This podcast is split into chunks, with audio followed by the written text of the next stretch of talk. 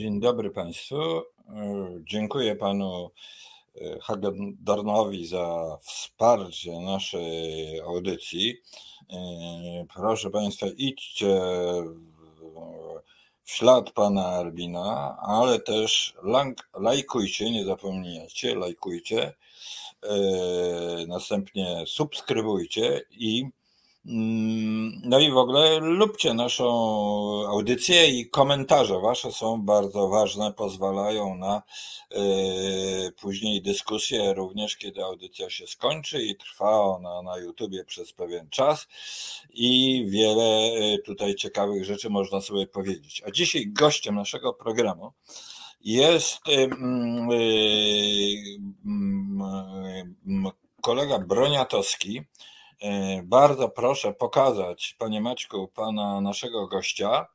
O, y, y, wybitny komentator, redaktor polskiego wydania Politico. No i mm, nie ma chyba lepszej postaci, eksperta, żeby zaprosić go do dyskusji na temat właściwie jak się gruntownie zmienia ład światowy.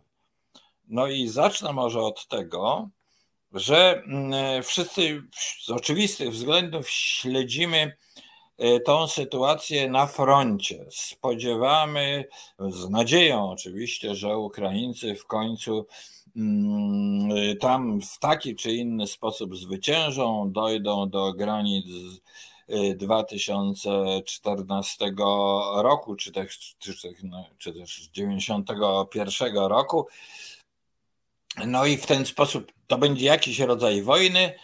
Yy, może się coś zdarzy w Rosji, prawda? Tak spekulujemy. Natomiast miało miejsce wydarzenie yy, trochę ponad tydzień temu i tym wydarzeniem był yy, szczyt G7.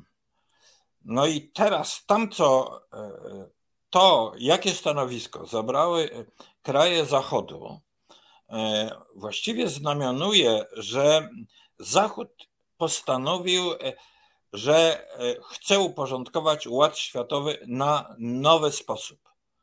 Zgodził się całkowicie na warunki pokoju, jakie chce podyktować Ukraina. Przypominam, przez długi czas Zachód mówił, no nie, to jakieś negocjacje, może z tą Rosją, może jakieś zawieszenie broni i tak dalej, i tak dalej. Tutaj powiedziano, warunki mają wojna się toczy i ma się zakończyć na warunkach Ukrainy. A warunki Ukrainy są takie, że właśnie odzyskają oni wszystkie terytoria, ale właściwie można odczytać tam więcej, bo y, y, y, kiedy mm, doszło do tej interwencji ruskiego, jak go nazywano, to jest bardzo ciekawa nazwa, ruskiego korpusu i tej wolnej Rosji, to okazało się, że Ukraińcy mają plan, żeby przyszłości stworzyć taką strefę buforową między Rosją o głębokości 100 kilometrów, między federacją, między tym wschodnim sąsiadem, ale też czytając publicystykę i takie różne wypowiedzi półoficjalne ukraińskie, właściwie y, Ukraińcy stawiają na to, że e, ta federacja rosyjska, że ona musi się rozpać i dopiero wtedy będzie to, y, świat będzie bezpieczny. Oni tak mówią, jak gdyby no, byli obecni na szczycie G7. Był to szczyt właściwie G8, prawda? I teraz właściwie w dużym stopniu Zachód przeszedł na stronę ukraińską. No i ja mam wrażenie, że Zachód też stawia na to, że Rosja ta Federacja Rosyjska musi być rozkruszona że to jest warunkiem jakiegoś nowego porządku światowego. O tym chcemy, o tym chcemy e, porozmawiać.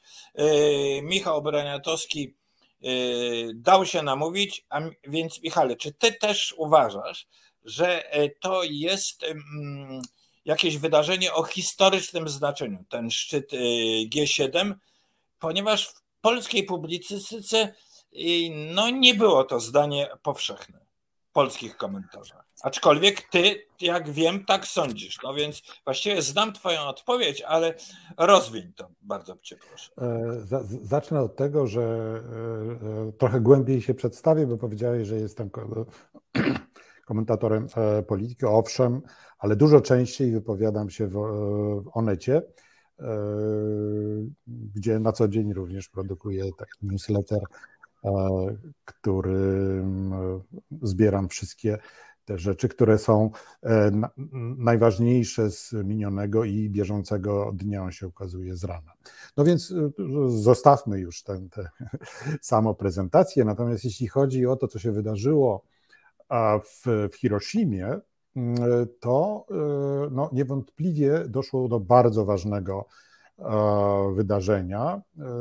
Tam były dyskusje dotyczące kilku punktów światowych, między innymi kwestii tego, że amerykański tak zwany akt przeciwko inflacji, akt redukcji inflacji, jak oni to nazywają, które niewiele ma wspólnego z redukowaniem inflacji, a jest to decyzja o wydaniu grubych miliardów e, e, dolarów amerykańskich na wspieranie firm w ich transformacji, w zielonej transformacji. I na to zareagowała Europa bardzo nerwowo, ponieważ to oznacza, że te firmy będą, ponieważ będą dostawały ogromne subsydia e, rządowe, e, że e, no to spowoduje spadek konkurencyjności europejskiego przemysłu i również możliwość taką, że, że europejskie firmy będą uciekały do Stanów Zjednoczonych, gdzie są lepsze warunki biznesowe.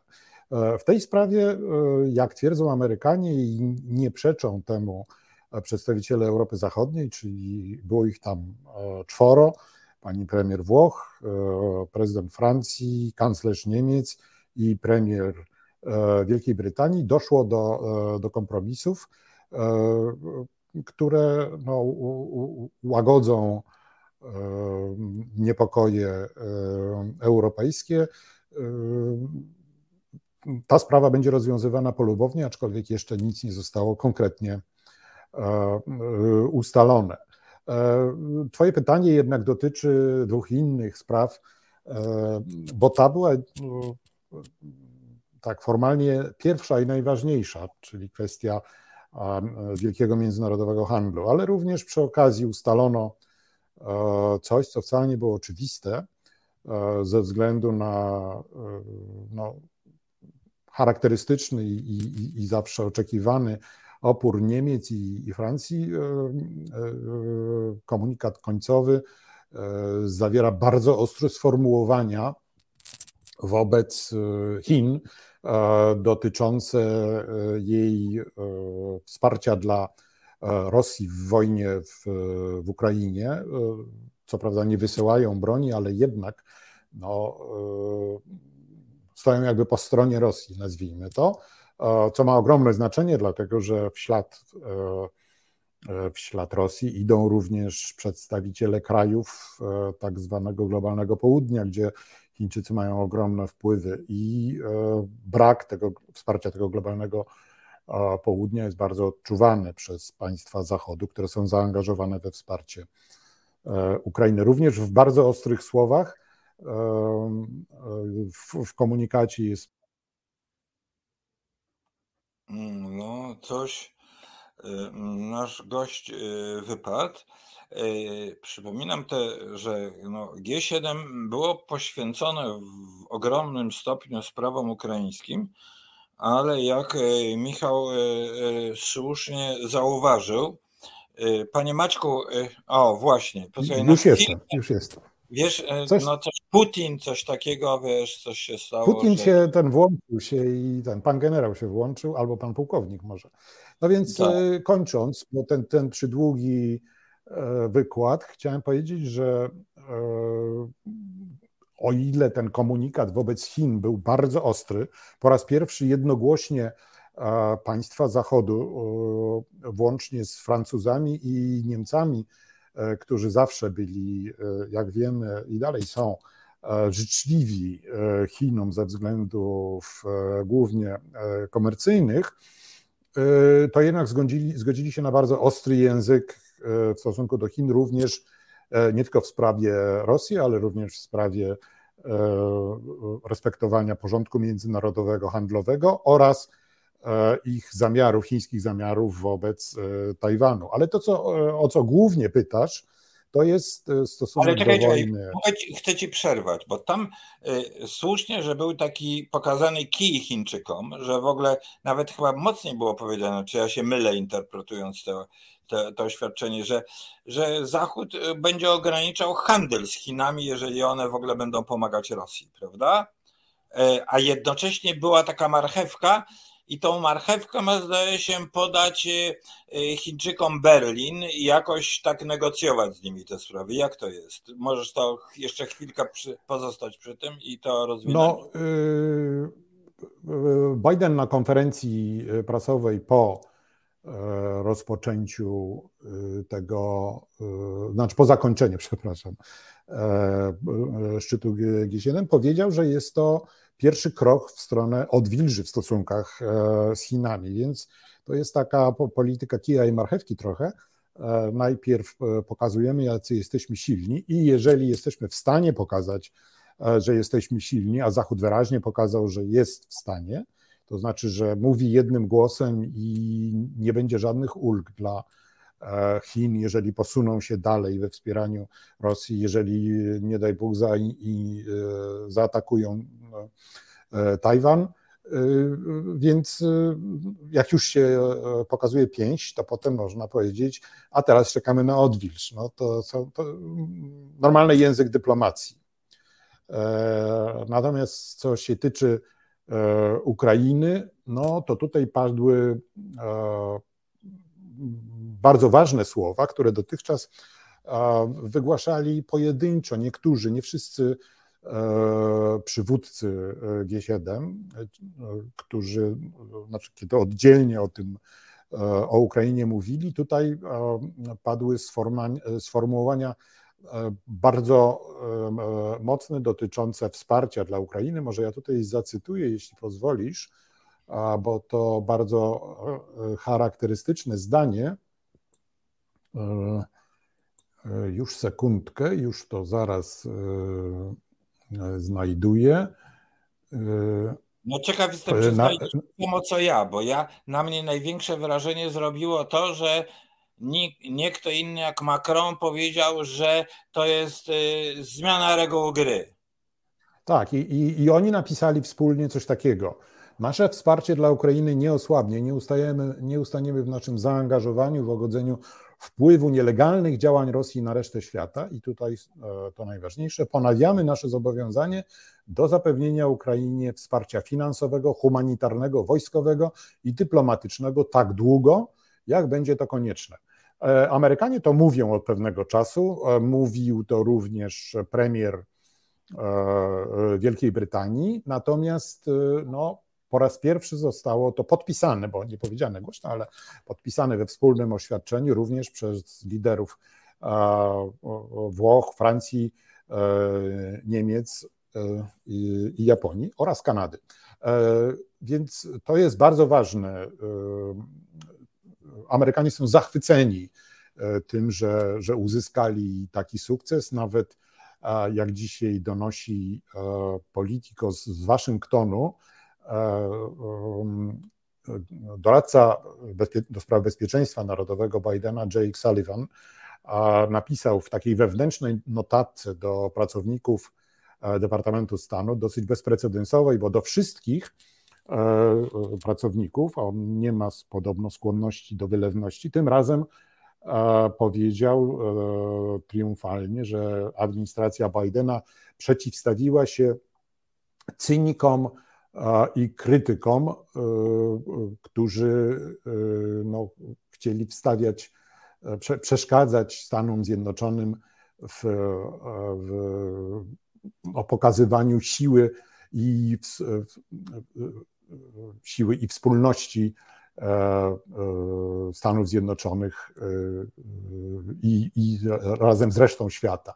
Więc y, tutaj dlatego tak troszkę y, się jąkam, bo znowu szukam odpowiedniego cytatu, e, co powiedział konkretnie w swoim mailu e, Sullivan, ale e, to oznacza dla, dla Amery- jego wypowiedź, co prawda wewnętrzna, ale też ważne jest, że ona wypłynęła, więc to jest taka wypowiedź wewnętrzna, ale ale jak znamy dyplomatów, to zrobiona została, celowo ją wypuszczono, żeby dać głos tej radości, dać wyraz tej radości. I on powiedział, napisał w tym mailu, w każdym z przypadków tych, tych, o których wcześniej mówiliśmy, tutaj e, on wymienia te przypadki, więc w każdym z tych przypadków przeciwstawiliśmy się cynikom i krytykom, którzy wątpili w nasze zaangażowanie i zdolność do przewodzenia w najbardziej palących wyzwaniach stojących przed naszymi krajami. No zaraz, zaraz, to powiedz, kto to są ci cynicy? No, y, to, to też jest, y, y, też jest mowa tutaj o sprawach wewnętrznych Stanów Zjednoczonych, bo w Stanach w tej chwili właściwie nikt nie zwrócił uwagi na te wydarzenia w Hiroshimie, ponieważ odbywa się bardzo trudna dla, dla Bidena debata na temat podwyższenia limitu długu publicznego w stosunku do GDP, PKB amerykańskiego. I tutaj no, jest duży suspens. Do końca czerwca kongres musi się zgodzić na podwyższenie tego limitu, bo jeżeli się nie zgodzi, oczywiście głównie tutaj e, sprzeciwiają się republikanie, którzy chcą ugrać rozmaite ustępstwa ze strony e, prezydenta. Jeżeli nie dojdzie do tego podwyższenia limitu długu, to Stany Zjednoczone popadną e, w, w niewypłacalność. Nie będą musiały, nie będą mogły od 1 lipca płacić swoich e, długów. E, Ale to na przykład. razy zdarzało tam, to nie jest. Nie, to się zdarzało się coś innego. Zdarzały się sytuacje, kiedy e, parlament, kongres przypilnowywał, znaczy nie, nie chciał do, dopuścić do zatwierdzenia budżetu centralnej administracji. To jest zupełnie coś innego. Chodzi, chodziło o wydatki, wtedy chodziło o wydatki E, administracji federalnej, e, czyli taki roczny budżet. Natomiast tu chodzi o, o trzymanie się w, w, ustawowym limicie stosunku e, długu publicznego do PKB. W Polsce na przykład to jest konstytucyjnie ustalone, w Polsce może to być 55%. Twórcy Konstytucji Polskiej zadbali o to, żeby nie mogli przy tym dłubać e, politycy e, i zmieniać to zwykłą większością głosu, bo im potrzebne e, są, gdyby im były potrzebne pieniądze na jakieś swoje wydatki, zadłużenia, zadłużanie się na te wydatki, Amerykanie popadli, Biden osobiście popadł w ten problem, no ze względu na potężne wydatki związane z tym już wspomnianą wspomnianym subsydiowaniem firm amerykańskich w związku z, z tą zieloną rewolucją. To, tu jest celów mnóstwo, bo to nie tylko chodzi o zieloną rewolucję, ale także o odbudowę amerykańskiej infrastruktury, o ściągnięcie e, fabryk amerykańskich z powrotem z, ze świata do Stanów Zjednoczonych po to, żeby no, e, zatrudniały zaraz, ludzi. Zaraz, ale czekaj, czekaj, to wchodzisz w takie szczegóły, a mnie się wydaje, że istnieje też taka krytyka, że Ameryka popada w takie finansowe kłopoty, ponieważ tak dalece finansowo angażuje się w sprawy ukraińskie, że taka krytyka... Ja nie żartuj, no, to jeżeli ktoś coś takiego mówi, to no, nie widział arytmetyki. Mówimy o projektach, które są liczone w, w bilionach dolarów kilka bilionów dolarów. A jeśli chodzi o pomoc dla Ukrainy, e, to w tym roku e, militarnej pomocy, to znaczy w ciągu ubiegłego roku, było 46 miliardów e, i tam chyba w sumie do 80 mniej więcej doszła pomoc, bo do tego dochodzi również wsparcie finansowe. Więc no, różnica jest zasadnicza. Oczywiście, że to są duże pieniądze, a zwłaszcza jeśli patrzeć na to z perspektywy europejskiej, a jeszcze bardziej jeśli patrzeć na to z perspektywy polskiej, ale w dalszym ciągu są to pieniądze, które nie mogą zachwiać gospodarką amerykańską, bo to jest e, e, nawet nie jeden, nie jeden procent e, amerykańskiego budżetu. Amerykanie na to mają pieniądze i Amerykanie mają również pieniądze na projekt, na, na ustawę Land Lease, podobną do ustawy którą wprowadził Roosevelt w czasie II wojny światowej, że mm, państwo, federalne, federalny rząd finansował budowę czy wytwórstwo sprzętu wojskowego i sanitarnego i przesyłał je do Europy, również do Rosji, do sojuszników swoich, nie żądając od nich natychmiastowej zapłaty za to, tylko no, kredytując ich w jakiś sposób. Więc... jeżeli jesteśmy przy Stanach Zjednoczonych, to, jed, to ci zadam takie pytanie. Mm, ja y, Jedna rzecz to jest czytanie think tanków amerykańskich, Hudson University, Atlantic i tak dalej, i tak dalej. No oczywiście trzeba być znawcą Ameryki, żeby nawet poświęciwszy temu czas mieć jakieś wyrobione zdanie, ale w polskiej publicystyce pojawia się coś takiego, że Ameryka właściwie nie chce zwycięstwa Ukrainy i, i że jest taka koncepcja, żeby to był Ukraina została ona jak Korea i że to jest, że tak powiem, no, finał wojny, jaką Amerykanie, Ameryka sobie e, życzy. No G7 twoim i moim zdaniem e, temu przeczy, ale jednak na ile jakiś inny pogląd w Stanach Zjednoczonych jest y, obecny, że ta wojna może sobie długo trwać i to może nawet z korzyścią, jakieś rozwiązanie koreańskie. No i jeszcze jest ten Trump, który wcale nie wydaje się, i część republikanów, może niż, którzy nie chcą no, Ukrainy tak zdecydowanie wspierać, chociaż z drugiej strony duża część republikańskiego kongresu krytykuje Bidena z tej strony, że wspiera Ukrainę za mało. Więc gdybyś to nam naświetlił, jak to jest właśnie, no? E, te, te, te, te historie o tym, że, że, że Amerykanie celowo przedłużają wojnę, bo im zależy nie na e, pobiciu Rosji, tylko na osłabieniu Rosji, ja bym wsadził między bajki. Oczywiście, że wszystkich obserwatorów, a zwłaszcza Ukraińców, drażni to i martwi, że e, Amerykanie e, niewystarczająco szybko decydują się na e, wsparcie walki walki Ukrainy z, z najeźdźcą rosyjskim, ale no, jest tak, że, że e, świat nie był gotowy do wojny. E, Stany Zjednoczone nie były gotowe do wojny, ani tym bardziej Europa. W związku z tym ten cały sprzęt, który przez ubiegły rok był wysyłany, to był sprzęt, y, który był no, zabierany ze składów. A w znacznej części, w znacznej części e, był, były, był to sprzęt już nieużywany, więc nie było to E, nadmiernym problemem, ale jednak e, no, e, bardzo wiele z tych, z tych z tego materiału wojennego, to były jednak potrzebne, bieżąco potrzebne rakiety, haubice i tak dalej, i tak dalej. Więc to nie jest tak, że z dnia na dzień firmy zaczynają budować to, co trzeba, to, co zażyczy sobie, sobie rząd, bo te firmy mają wieloletnie E, kontrakty, przestawienie gospodarki na, na, na gospodarkę wojenną e, trwa, to się powoli w tej chwili odbywa. Widzimy e,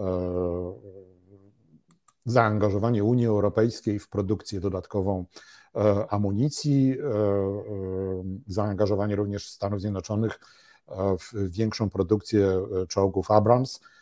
Trzeba pamiętać, że te czołgi, których, na które czeka Ukraina, Abrams, E, są produkowane w jednym zakładzie w Stanach Zjednoczonych i przez miesiąc e, tam jest ich e, produkowanych 30 czy coś takiego, a w kolejce czeka na Abramsy czeka Polska i Turcja, więc to nie jest tak, że Benz i, i, i wszystko jedzie.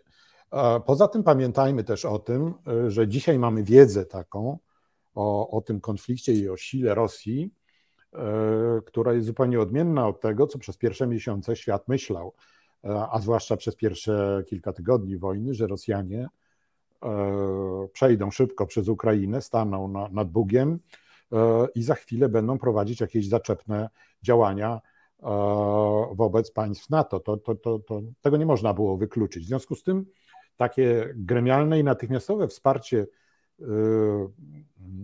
Ukrainy bronią i bez żadnych ograniczeń, jedynie z finansowymi ograniczeniami, no nie było możliwe. Zarówno fizycznie i materialnie, bo nie było tego sprzętu do dyspozycji, a po drugie politycznie i wojskowo, bo, bo no, nie, nie wiedzieliśmy tego, co wiemy dzisiaj.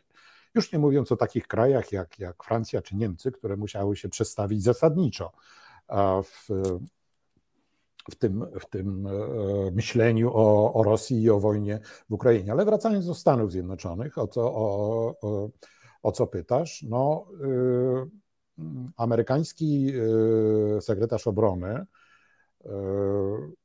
już, już w marcu ubiegłego roku powiedział, że ta wojna ma doprowadzić do pokonania Rosji. On nie mówił o tym, że, że ktoś będzie zawieszał flagę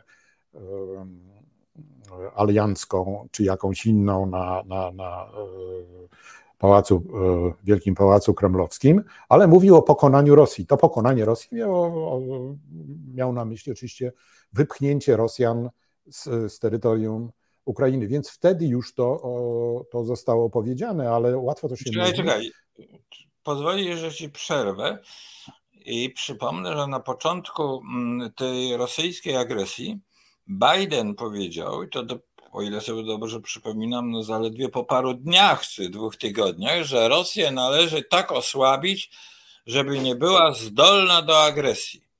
No, tak co jest, to no znaczy? No to jest łagodnie powiedziane, no ale osłabić Rosję, żeby nie była zdolna do agresji, to może oznaczyć pozbawienie jej broni nuklearnej, czy wręcz może oznaczać, żeby nie, się nie, nie. No. To, tego na... no, yy, podejrzewasz coś takiego mówiąc Bidena o naiwność. Odebranie broni nuklearnej Rosji jest niemożliwe. A możliwe jest tylko, i to się dzieje, osłabienie E, rosyjskiej siły, e, e, jeśli chodzi o broń konwencjonalną. Oczywiście mają również inne niedopuszczalne, niedopuszczalne bronie typu broni chemicznej, broni biologi, broń biologiczną, rozmaite zakazane bronie typu bomby kasetowe czy, czy też fosforowe takie zapalające, one są zakazane, ale są używane. Znaczy, przez, ja, po, ja sobie pozwolę być naiwnym, wiesz? To bądź. No, ponieważ ty dysponujesz e, samym rozsądkiem, to ja sobie pozwolę na szczypnę naiwności. No, jeżeli mm, e, Moskwa, już nie powiem Rosja, bo jak widzimy, jakie jest zamieszanie teraz wokół słowa Rosja, Ruś, e, Moskowia i tak dalej, no jeżeli ta pseudofederacja zacznie się rozpadać, to oczywiście powstanie ogromny problem, e, co z tą bronią atomową, no ale skutek może być taki, że mm, właściwie nastąpi jakaś denuk denuklearyzacja Federacji Rosyjskiej. Jeżeli tam dojdzie do jakiegoś bardzo poważnego kryzysu i terytorialnego rozpadu. Czy to absolutnie mm, e, wykluczasz? Czy właśnie G7 nie zapowiada czegoś takiego, że Rosję należy pokonać bardzo gruntownie. E, I że, że tak powiem, Rosja ma wypaść jak gdyby z, spośród tych głównych aktorów globalnej polityki. No, to są dwie różne rzeczy, bo wypadnięcie Rosji z roli główne, jednego z głównych aktorów polityki międzynarodowej, to wydaje mi się, że już się stało. Putin na własną prośbę E, no, doprowadził do bardzo poważnej izolacji e, Rosji, pokazał słabość Rosji, pokazał brutalność Rosji. E, I więc w tym sensie potęgą Rosja już nie jest. Rosja w dalszym ciągu jest potęgą nuklearną i po, wydaje mi się, że, że Amerykanom i w ogóle Zachodowi nie zależy na rozpadzie E, e, Rosji. Mogło zależeć na rozpadzie Związku Radzieckiego, ale pamiętajmy, że Związek Radziecki e, to była Rosja plus jeszcze 15 innych republik. Ogromne terytorium, które odpadło od Rosji, ale w dalszym ciągu Rosja jest największym terytorialnie krajem świata, ale jej gospodarka jest mniejsza od gospodarki na przykład Kalifornii. Dochód narodowy na głowę mieszkańca jest gdzieś, gdzieś pod koniec setki na mniej więcej 200 krajów świata, więc to daleko już nie jest potęga globalna. Natomiast jest oczywiście globalna groźba nuklearna. Myślę, że jednym z powodów Zachodu, żeby nie doprowadzić do rozpadu Rosji, jest właśnie to, że to rozpadnięcie się mogłoby spowodować to, że ta broń atomowa wpadnie w ręce kogoś, kto jest nieodpowiedzialny, czyli jakiegoś regionalnego przywódcy. Nie wiemy, na jakie części Rosja się rozpadnie, czy to będą narodowe republiki, czy też będą to republiki odpowiada, jakieś ciała odpowiadające dzisiejszym granicom obwodów. Te, te, tego nie wiemy i, i, i raczej wydaje mi się, że, że, że nawet jeżeli bierze się pod uwagę to szaleństwo elit rosyjskich, które w tej chwili wspierają gremialnie Putina, to jednak to szaleństwo ma swoje granice i oni biorą pod uwagę, oczywiście muszą brać pod uwagę upadek Putina w pewnym momencie i wtedy wszystko zrobią, żeby ich państwo się nie rozpadło. Tak, taki jest mój pogląd w tej sprawie. Wydaje mi się, że zdroworozsądkowi. Chciałbym, bo mamy sporo czasu, bo umówiliśmy się na taką gruntowną i dłuższą rozmowę. Mm, proszę Państwa o komentarze, yy, lajki, subskrypcje, lajki, proszę Państwa, lajki, koniecznie lajki bardzo ważne. To dzięki temu takie dziennikarstwo i takie tutaj chwalicie wszyscy redaktora Braniatowskiego, że słuchaliście jego sprawozdań z Majdanu i tak dalej, i tak dalej, więc jak chcecie, żeby to, co on teraz mówił, roz, rozchodziło się szeroko, to te lajki, komentarze i subskrypcje szalenie ważne, szalenie ważne. W ten sposób też bierzecie udział razem z nami kształtowaniu polityki światowej. No, na każdy, że tak powiem, może nie tak jak Biden i Zełenski, ale też tak po troszeczku. No dobrze, ale i, i posłuchaj, jeszcze ta Ameryka, bo ta Ameryka mnie bardzo niepokoi, bo pamiętasz, przeżyliśmy we dwójkę taką przygodę, że ty po prostu wieczorem, jak były wybory w Ameryce, ta druga tura, powiedziałeś mi, że poszły konie po betonie, wygrał Trump. Ja się wtedy schowałem pod kołdrę i oblałem zimnym potem, a następnego dnia mm, y, dzwonię do ciebie już w ogóle cały trzęsący się, a ty mi mówisz, wiesz, to się przesunęło, teraz obliczają głosy, no i wygrał Biden. No ale ja mm, cały czas troszkę oblewa mnie zimny pot, kiedy myślę, że może wygrać y, Trump następne, następne wybory. Mało tego, ten wśród republikanów ta sytuacja jest dla mnie bardzo niejasna, bo y, Amerykanie, y, republikanie wciąż popierają Ukrainę, nawet atakują Bidena, co już powiedziałem tutaj, że za mało tą Ukrainę wspiera, a z drugiej strony jednak ten drugi kandydat, najpoważniejszy, DeSantis, ten z Florydy, prawda, powiedział, że on no, nie tak bardzo z tą Ukrainą, że tą wojnę też należy jakoś zakończyć. No nie, nie zabrzmiało to tak jak okropnie jak u Trumpa. No ale jak ty to oceniasz? Bo to jest, yy, yy, co prawda wybory w Stanach Zjednoczonych to jest to styczeń 25 roku, jeszcze kawał czasu. Nie, nie, no, ale nie, nie, nie, to jest, to jest listopad. W styczniu to jest e, prezydent zostaje prezydentem, natomiast wybory są w listopadzie. No, przyszłego no to roku, 24. Czy, czy ciebie też nie oblewa zimny pot, że Trump może wygrać? No, y, wszystko to, co powiedzieliśmy na początku, czyli, czyli, y, y, czyli to, co się dogadali w, w Hiroshimie przywódcy G7, może się rozpaść jak domek z kart. Pamiętamy takie spotkanie G7, to jest doroczne, to one się, oni się spotykają co rok na którym był e, Trump, który to było w Kanadzie. E, Trump się podpisał pod, ostat, pod końcowym e, pod końcową deklaracją, wsiadł w samolot, po czym z samolotu wydał polecenie, żeby wycofać jego podpis pod tej deklaracji, bo coś mu się nie spodobało.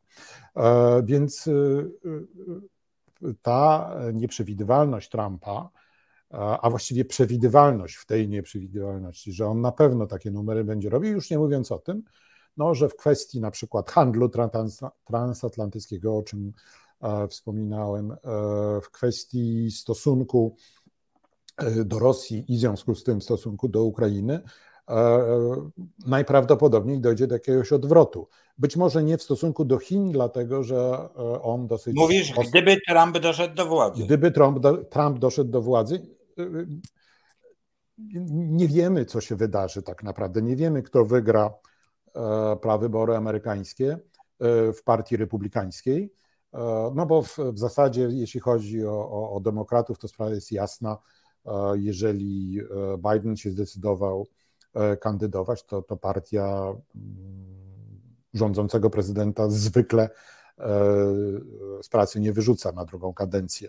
Natomiast jeśli chodzi o Amerykanów, jeśli chodzi o republikanów, no to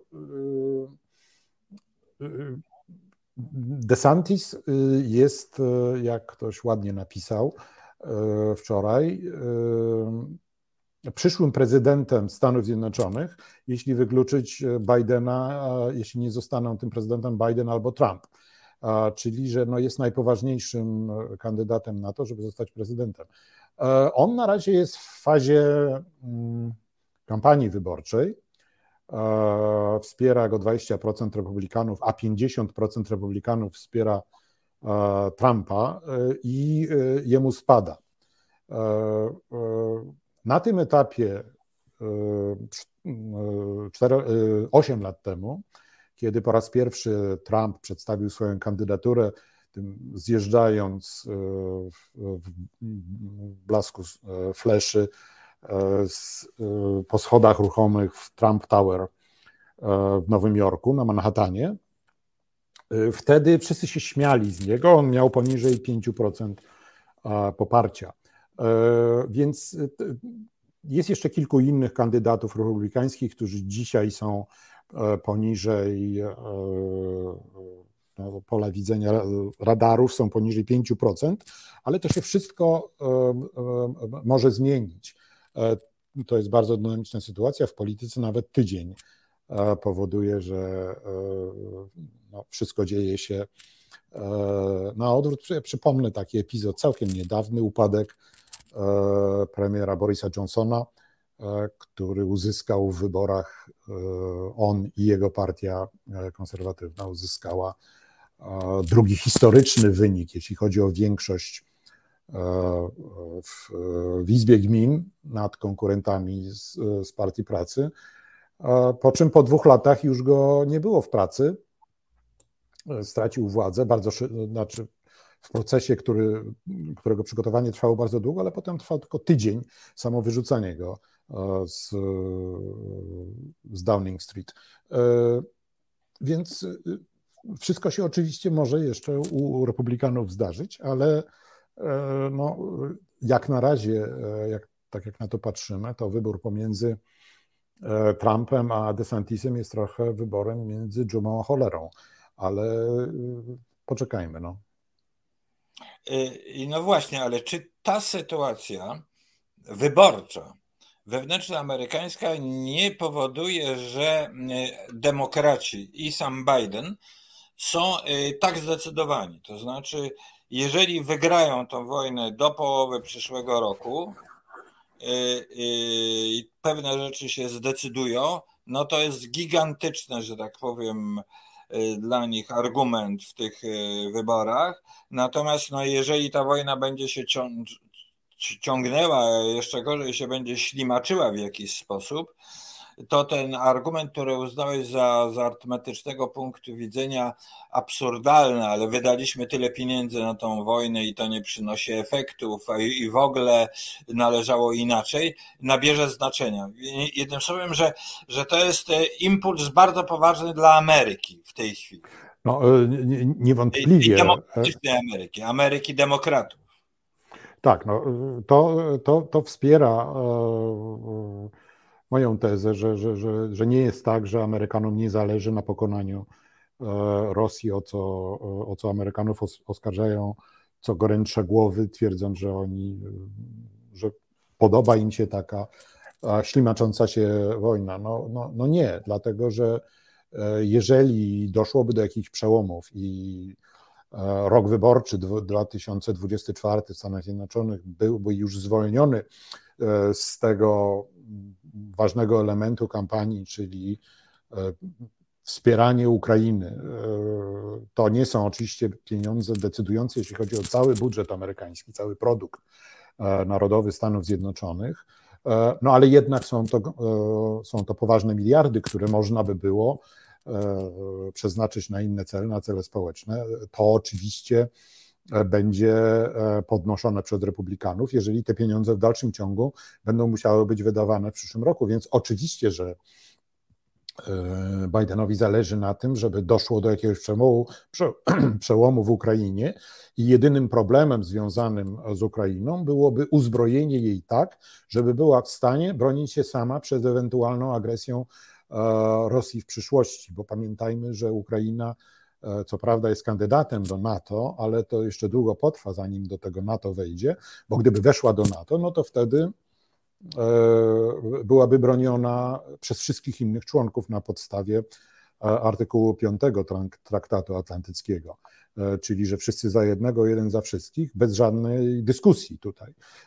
Nie, państwa muszą automatycznie pomóc. W związku z tym, ponieważ nie będą w NATO, jeszcze przez kilka lat na pewno,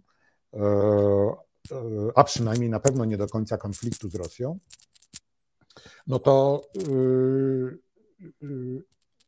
no to muszą y, im, musi im Zachód e, w jakiś sposób zagwarantować e, bezpieczeństwo. I tym e, pierwszym elementem takiego gwarantowania bezpieczeństwa na przyszłość jest właśnie decyzja o dostawie myśliwców F-16, która pociągnie ze sobą prawdopodobnie decyzję o, o myśliwcach brytyjskich, francuskich i szwedzkich dla Ukrainy.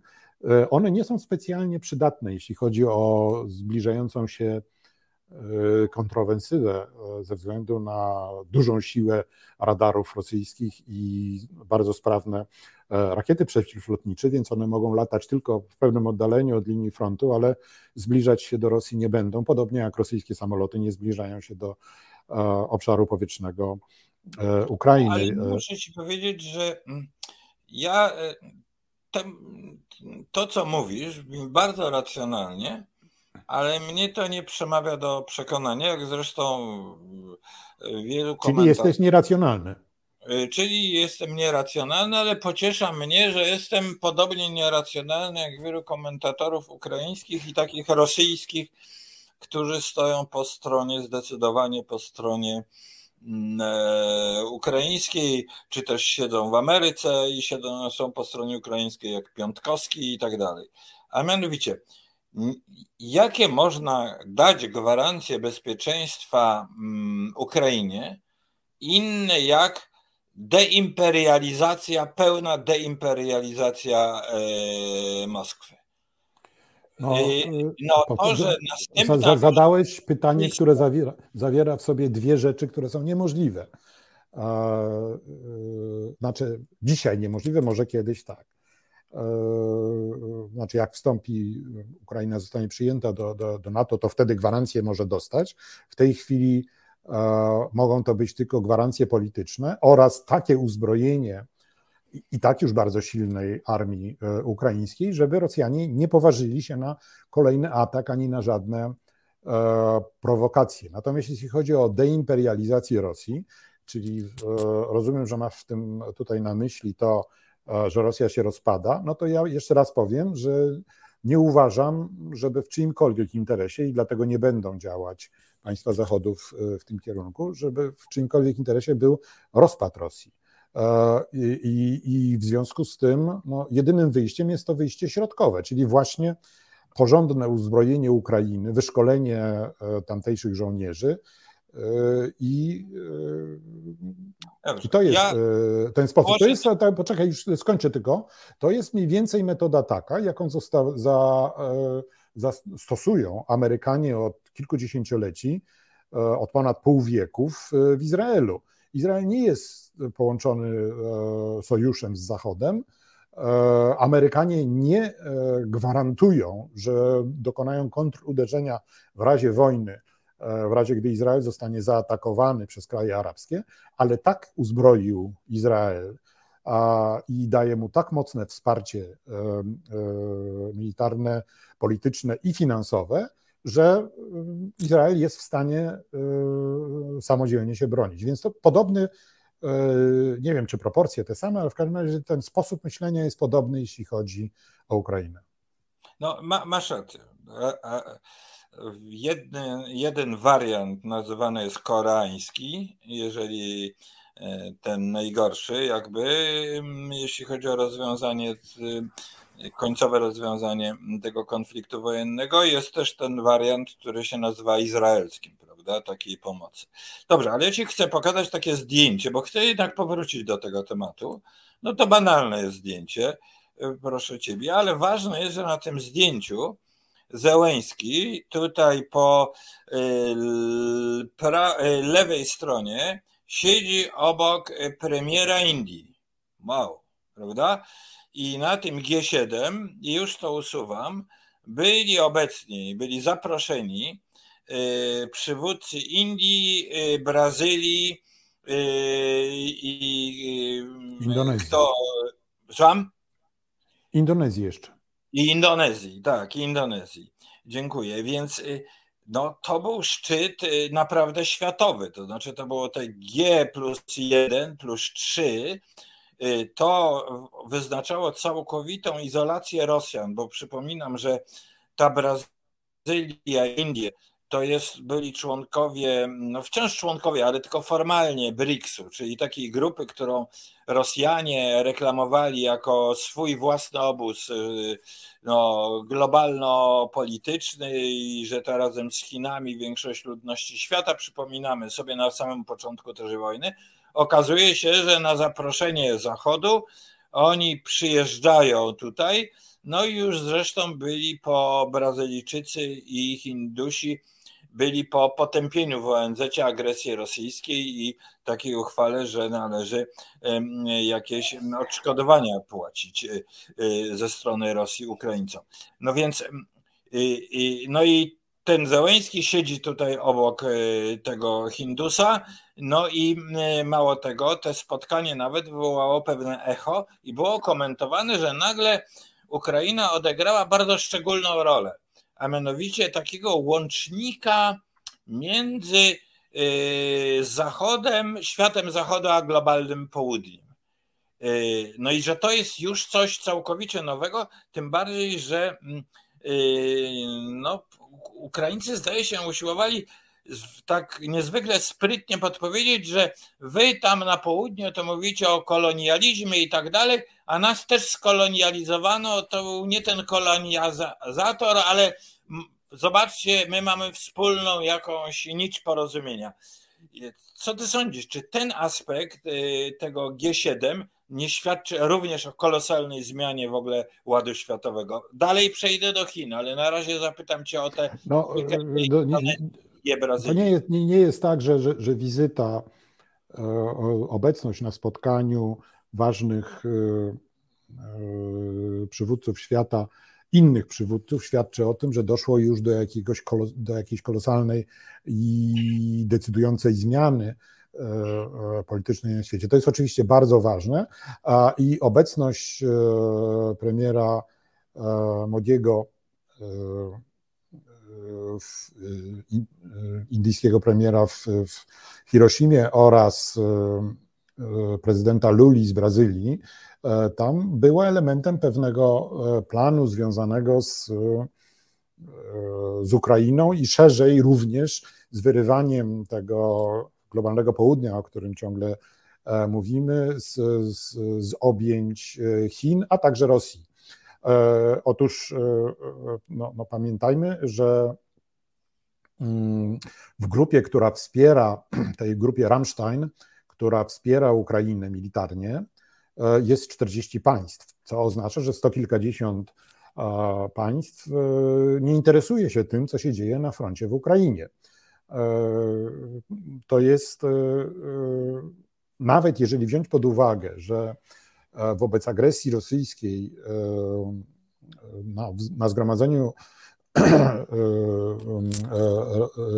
Organizacji Narodów Zjednoczonych, na zgromadzeniu generalnym ONZ, zdecydowana większość, sto kilkadziesiąt krajów głosowało za rezolucją potępiającą agresję, no ale potępienie agresji to jeszcze, to jest, to po pierwsze ma bardzo małe znaczenie poza jakimś tam symbolicznym, ale to jeszcze daleko nie jest działanie przeciwko E, tej wojnie i polityka e, Rosji, a tym bardziej polityka e, Chin, która jest w działaniu od wielu, wielu lat, zanim w ogóle ktokolwiek zaczął się nawet obawiać, że Rosja kiedyś najedzie Ukrainę, była taka, że te mniejsze kraje, kilkadziesiąt krajów Afryki, kilkanaście krajów Ameryki Łacińskiej, kraje basenu e, Pacyfiku e, są e, wspierane bardzo mocno inwestycjami w infrastrukturę, to ze strony Chin, którzy no, przy okazji zadłużają te państwa na, na, na wielkie sumy. Ze strony Rosji to jest wsparcie militarne, no i też tradycyjnie Rosja jest postrzegana jeszcze z czasów zimnej wojny jako obrona tych krajów, to chodzi zwłaszcza o Amerykę Łacińską, e, obrońca tych krajów przed imperializmem amerykańskim. E, więc to są takie historyczne e, zaszłości, które zarówno Rosja, jak i Chiny bardzo mocno wzmacniają teraz i no, budują sobie też przyszłość, kontrolę E, nad, e, nad tymi krajami. Więc przy okazji, jakby na marginesie wojny ukraińskiej, e, zapraszając Lulę i Modiego do Hiroshimy, kraje G7 uzyskały coś bardzo ważnego, mianowicie możliwość no, zasiania wątpliwości u tych najważniejszych przywódców, że Rosjanie E, czynią coś złego. Udało się to w przypadku premiera Indii, z którym e, Załęski się spotkał i po którym e, premier Modi wygłaszał no, dużo mniej agresywne wobec Ukrainy oświadczenia niż wcześniej, bo on zrównywał agresora i, i, i kraj zaatakowany w swoich komentarzach. Lula w końcu nie spotkał się, prezydent Brazylii, socjalista, nie spotkał się z e, Zełenskim. No, nawzajem się o, o, o, obwiniają o to, że nie doszło do tego spotkania. No nie doszło do tego spotkania, ponieważ e, e, ewidentnie nie chciał tego Lula. I w związku z tym ten plan tutaj nie wyszedł. No ale jednak Lula był obecny E, na imprezie, na której w sposób absolutnie jednoznaczny potępiono Rosję e, i e, wsparto, wsparto Ukrainę. Wsparto również wsparcie Zachodu dla Ukrainy. Jednym słowem, uczestniczyli w sukcesie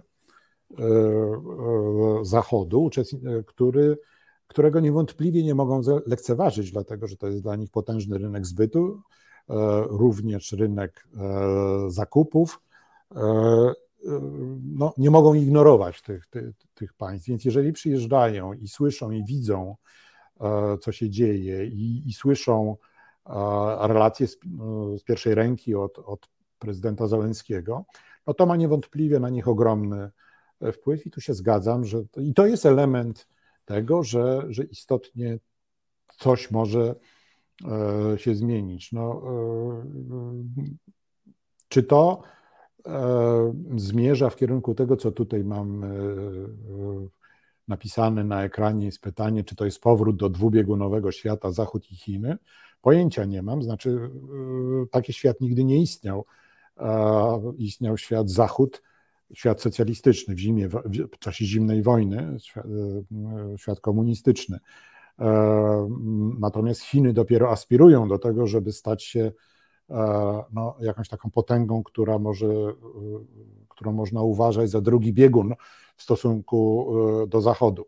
Niewątpliwie jesteśmy na drodze do tego, żeby z jakiejkolwiek układanki, czy ona jest dwubiegunowa, trzybiegunowa, czy wielobiegunowa, wypada Rosja.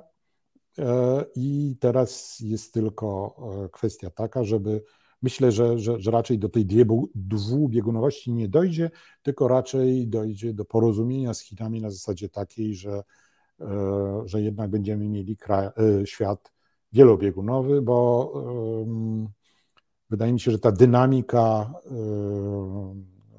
gospodarcza, jak i militarna e, na świecie, mimo tego, że Chiny stają się rzeczywiście potęgą, e, zmierza ku temu, żeby mm, trzymać Chiny w ryzach. Tak się zdaje.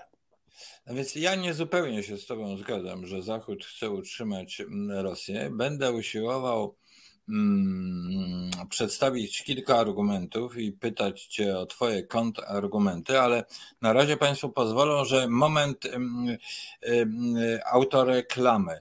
Y, to jest moja książka Globalna Ukraina nie wiem, czy Michale ją czytałeś, e, ale ja ją napisałem przygotowując się do wywiadu z tobą, żeby też mieć trochę się otrzaskać. No, dziękuję Ci bardzo. No.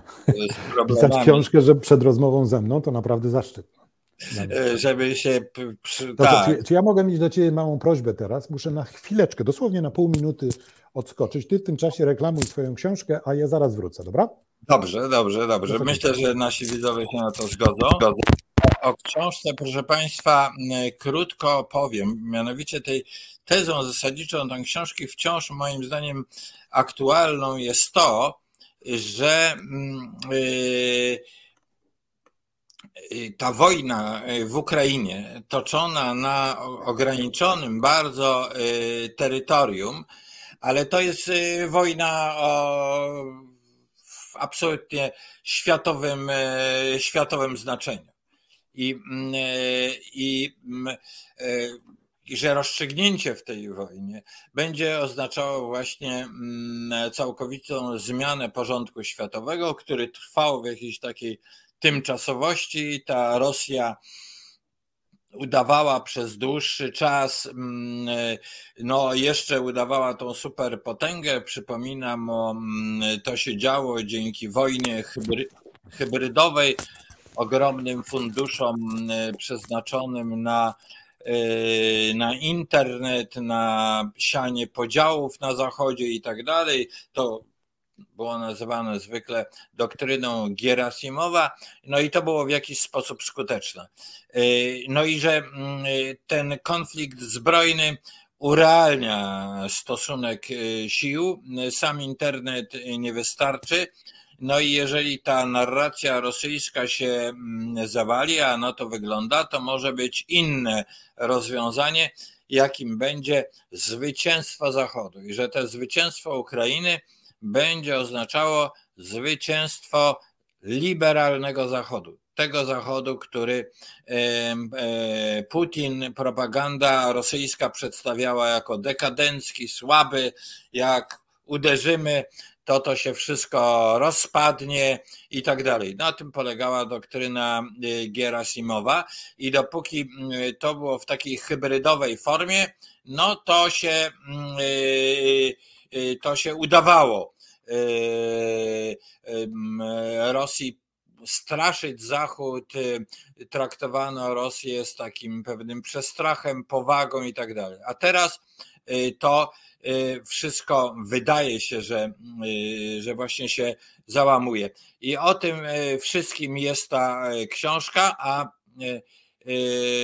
Michał Broniatowski ma już kawę i. Nie, wodę z cytryną wodę z cytryną. Wodę, ale kawa jest strasznie i po prostu zaschło mi w gardle, musiałem się czegoś napić. No, no i teraz y, mój argument, że Zachód moim zdaniem kombinuje też, żeby się ta Rosja rozpadła. Dlaczego? No i będzie pytanie, pozwolisz mi 2-3 minuty, że ja to wyjaśnię, a i będzie pytanie, na ile uważasz, że to rozumowanie ma jakieś podstawy, czy też w ogóle jest bez sensu. A mianowicie, że Rosja, przygotowując się do tej agresji, już karana przez Zachód, zwróciła się do Chin. Zaczęła handlować z Chinami i stała się od tych Chin coraz stawała się, a teraz stała się w pełnym tego słowa znaczeniu, od Chin zależna. Jeżeli Chiny ograniczą jakoś poważnie handel z Rosją, to ta gospodarka rosyjska rzeczywiście się y, może zawalić, prawda? Tak normalnie to, tam jest gorzej z tą gospodarką, no ale to spada się z jednego poziomu na trochę niższy, jeszcze nie ma tragedii. Natomiast to może być zupełna tragedia, czyli Chiny trzymają Putina na pasku, trzymają Rosję na pasku i to Chiny mają interes, żeby ta wojna może trwała dłużej i żeby czerpać e, e, no, jakieś zasoby i tak dalej, żeby mieć to uzależnioną Rosję przy sobie. I że to jest w gruncie rzeczy dla Zachodu groźne. W związku z czym dla Zachodu, interes Zachodu byłby, żeby jednak w tej sytuacji Rosja się. Kto ci podpowiada, bo tak zrobiłeś taki. Nie, nie, tu po prostu po, po, powrócili ze spaceru domownicy. Aha, może z jakimiś nowymi wiadomościami, bo jakby coś to zapytać. Nie sądzę. Spacer w Konstancinie nie powoduje, że się wie coś o wydarzeniach światowych. Więc y, w związku z czym, no jeżeli ta Rosja słabnąc wpada w objęcia Chin, to, mm, no to nie jest interes Zachodu, y, żeby te wszystkie zasoby rosyjskie pracowały na rzecz Chin. W związku z czym no, może Zachód w tej sytuacji powinien się decydować i może się decyduje. Ja mam takie wrażenie, że takich głosów jest coraz więcej, że ta Rosja się powinna rozpaść, że powinno się to zaryzykować i że to jest właśnie ten całkowicie nowy porządek światowy, kiedy te gigantyczne terytorium no, wygeneruje jakieś twory państwowe i tak dalej, to się do pewnego stopnia już dokonuje, no bo odpada całkowicie ze sfery, wyraźnie wypada ze sfery wpływów rosyjskich, y, wypada Azja Środkowa. Y, no, duże szanse ma w pewnym momencie wypaść Kaukaz. Y, no, takie inne ważne przesunięcia, podkreślmy to, no, to, że ostatnio doszło do takiej jakiejś ugody no, częściowej, ale Azerbejdżanu z Armenią, co się dawniej wydawało niemożliwe, no to oznacza, że ta Armenia uznała, że ta Rosja jest tak słaba, że te poparcie nic nie daje, więc trzeba się inaczej, że tak powiem, dogadywać w tym regionie kraju, który e, nie ma granic z morzem i tak dalej, prawda? No więc to są, to są takie sygnały, znaczy ten ostatnio w ogóle o słabnięciu Rosji, ale e, to, czy Zachód wobec tej zależności od Chin nie ma e, Rosji od Chin, nie ma interesu jednak, żeby Rosja, ta federacja się rozpadła. E, e, ja myślę, że jak federacja się rozpadnie, to tym łatwiej padnie łupem Chin. Więc raczej Twoja teza o tym, że Zachodowi zależy na rozpadnięciu się Rosji po to, żeby uniknąć chińskiej kontroli nad, nad, nad Rosją no jest y, taka no, kontrproduktywna, powiedziałbym, bo w zasadzie wszystko, co znajduje się na wschód od, e, od Uralu, e, znajdzie się wtedy w zasięgu kontroli Chin. Zwróćmy uwagę, że Kazachstan to jest kraj, który coraz bardziej również jest uzależniony E, od Chin, jest dostawcą e, ogromnych ilości e, ropy naftowej i gazu właśnie do, do Chin. Tam są budowane drogi, koleje, więc okrążenie Rosji ze wschodu przez Chiny plus minus Kazachstan w sytuacji, kiedy Rosja zostanie osłabiona swoim rozpadem, no bo powiedzmy, że zostanie tam jakaś Moskwa i okolice. E, pewnie ta, ta Moskwa i okolice to i tak będzie w sumie więcej niż cała Europa razem wzięta, pozostała. Tym niemniej jednak no, e, nie będzie w stanie się przeciwstawić Chinom i, i, i no, to jest coś, jak mówisz światu, na, na czym światu, jak, jak, jak ty mówisz, nie zależy, więc nie, nie, sądzę i to nawet wiesz, z, z, punktu widzenia mm, bezpieczeństwa. Przypomnijmy sobie, czego najbardziej się świat obawiał w momencie rozpadu Związku Radzieckiego. Właśnie rozpadu Związku Radzieckiego, że, że ten padający olbrzym e, będzie wierzgał i może dojść do jakiejś strasznej wojny. Ten, strach nie zniknął, dlatego że co prawda mniejsza, okrojona o ten e, e, były republiki radzieckie Rosja, mm, jest lepiej, jak jest całością i ma odpowiedzialnych przywódców. Taka, taka jest, przypuszczam, argumentacja zachodnich analityków, niż żeby ta Rosja się rozpadła. Nie wiadomo, kto by wtedy kontrolował broń atomową. Przypomnę, że struktura rosyjska nie jest taka jak struktura amerykańska, gdzie właściwie bez rozkazu prezydenta broń atomowa nie może zostać użyta. E, fizycznie, ponieważ to jest zabezpieczone kodami, e, a z drugiej strony, e, jak prezydent wydaje rozkaz, to bomba atomowa jest odpalana. Natomiast w Rosji struktura, ta struktura ma swoje korzenie w czasach sowieckich, kiedy wojsko bardzo obawiało się o, tę, o tych spróchniałych staruchów na E, na Kremlu i stworzyli taką strukturę, która zapobiegała temu, że w pijanym widzie jakiś e, e, Breżniew albo Czernienko zdecyduje się na wydanie rozkazu o ataku atomowym. Tam musi jeszcze, wtedy miała się zgodzić, jeszcze biuro polityczne się miało zgodzić, potem sztab generalny i tak dalej, i tak dalej w dół. Co oznacza no, decentralizację decyzji i to oznacza, że lokalni e, właściciele, nie wiem, no, ktoś, kto nagle by się stał właścicielem e, atomowych łodzi podwodnych e, na Morzu Czarnym, czy też w, na morzach świata, na, w oceanach, które dysponują przecież wyrzutniami rakietowymi, nie byłoby nad tym kontroli z centrali. I e, nad, nad, nad tych guzików, e, ten guzik nie jest jeden, tylko tych guzików jest mnóstwo. E, wystarczy, żeby się jeden wyłamał, żeby jeden zwariował albo się upił i postanowił, że on światu porządkuje. Z drugiej strony jest też tak, że w związku z tym, że nie może być tak, że Putin decyduje, że, że, że trzeba wystrzelić broń atomową i natychmiast dowódca łodzi podwodnej w, e, na Morzu Czarnym naciska swój guziczek i ta broń rakietowa leci, bo ten dowódca doskonale wie, e, że pięć minut po tym, jak on naciśnie swój guziczek, e, oberwie podobną rakietą ze strony amerykańskiej.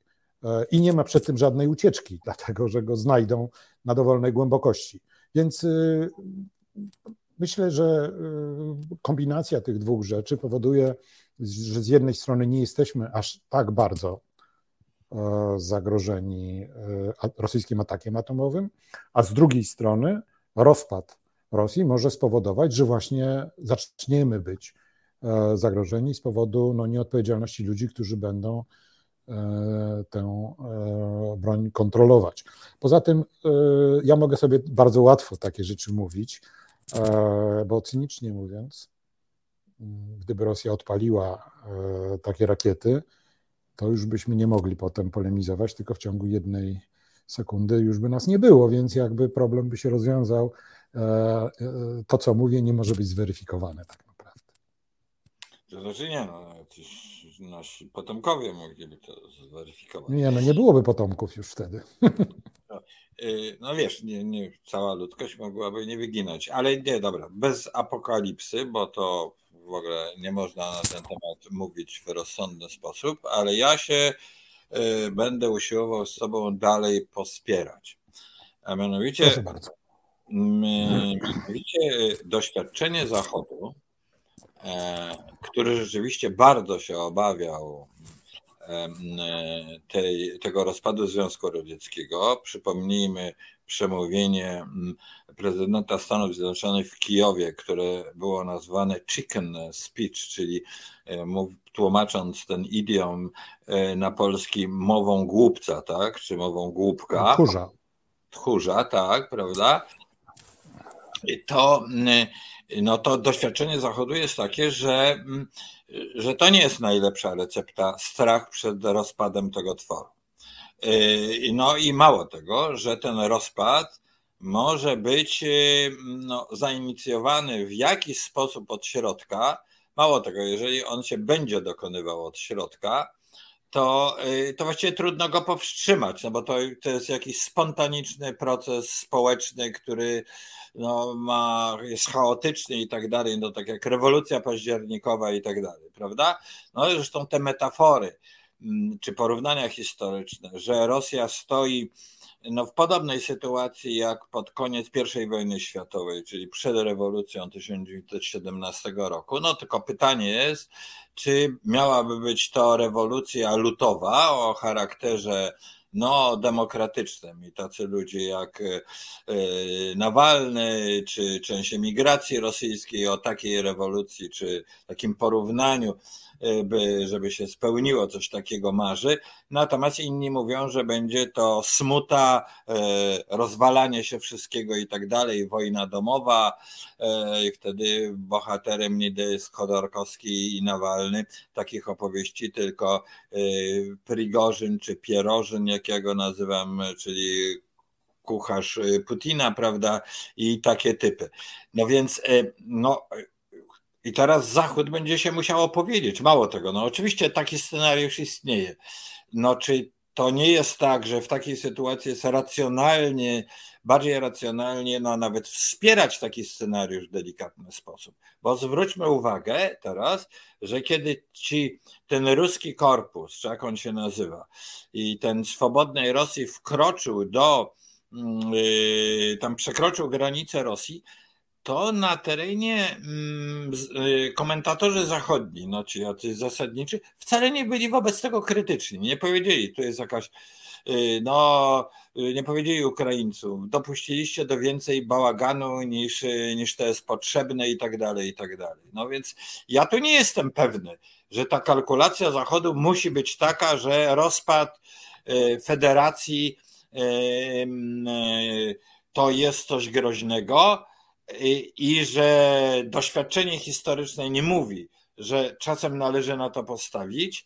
No i, i jeszcze jedno, że na to stawiają w dużym stopniu Ukraińcy i ta teza Bidena początkowo, może pewno masz rację, że on nie o tym myślał wtedy, ale że Rosję należy tak osłabić, żeby nie była zdolna do agresji. No, no że to wszystko nie składa się na y, bardziej, że powiem, dramatyczny scenariusz, tym bardziej, że mapa świata, w którym by tam powstały w końcu przy całym zamieszaniu jakieś państwa, wyglądałaby znacznie bardziej racjonalnie niż ten kolos na y, glinianych nogach, ale który się może, y, y, że tak powiem, na kogoś zwalić. No,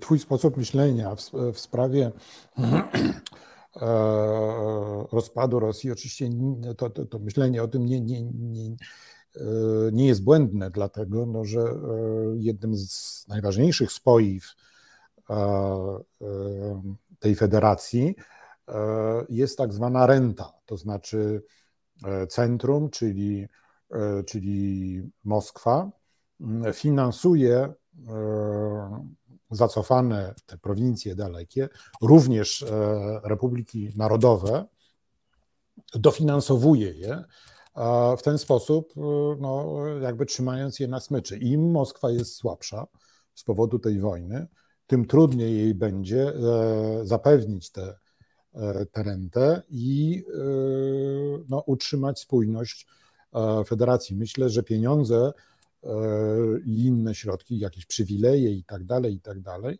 są dużo mocniejszym spoiwem federacji niż pełna kontrola nad E, tak zwanymi e, siłowikami, czyli tymi wszystkimi e, odłamami władzy w Rosji. No, siłowice są w, na całym świecie, ale nie, nie, nie, wszyscy się tak nazywają po pierwsze, a po drugie no, nie wszyscy się tak zachowują.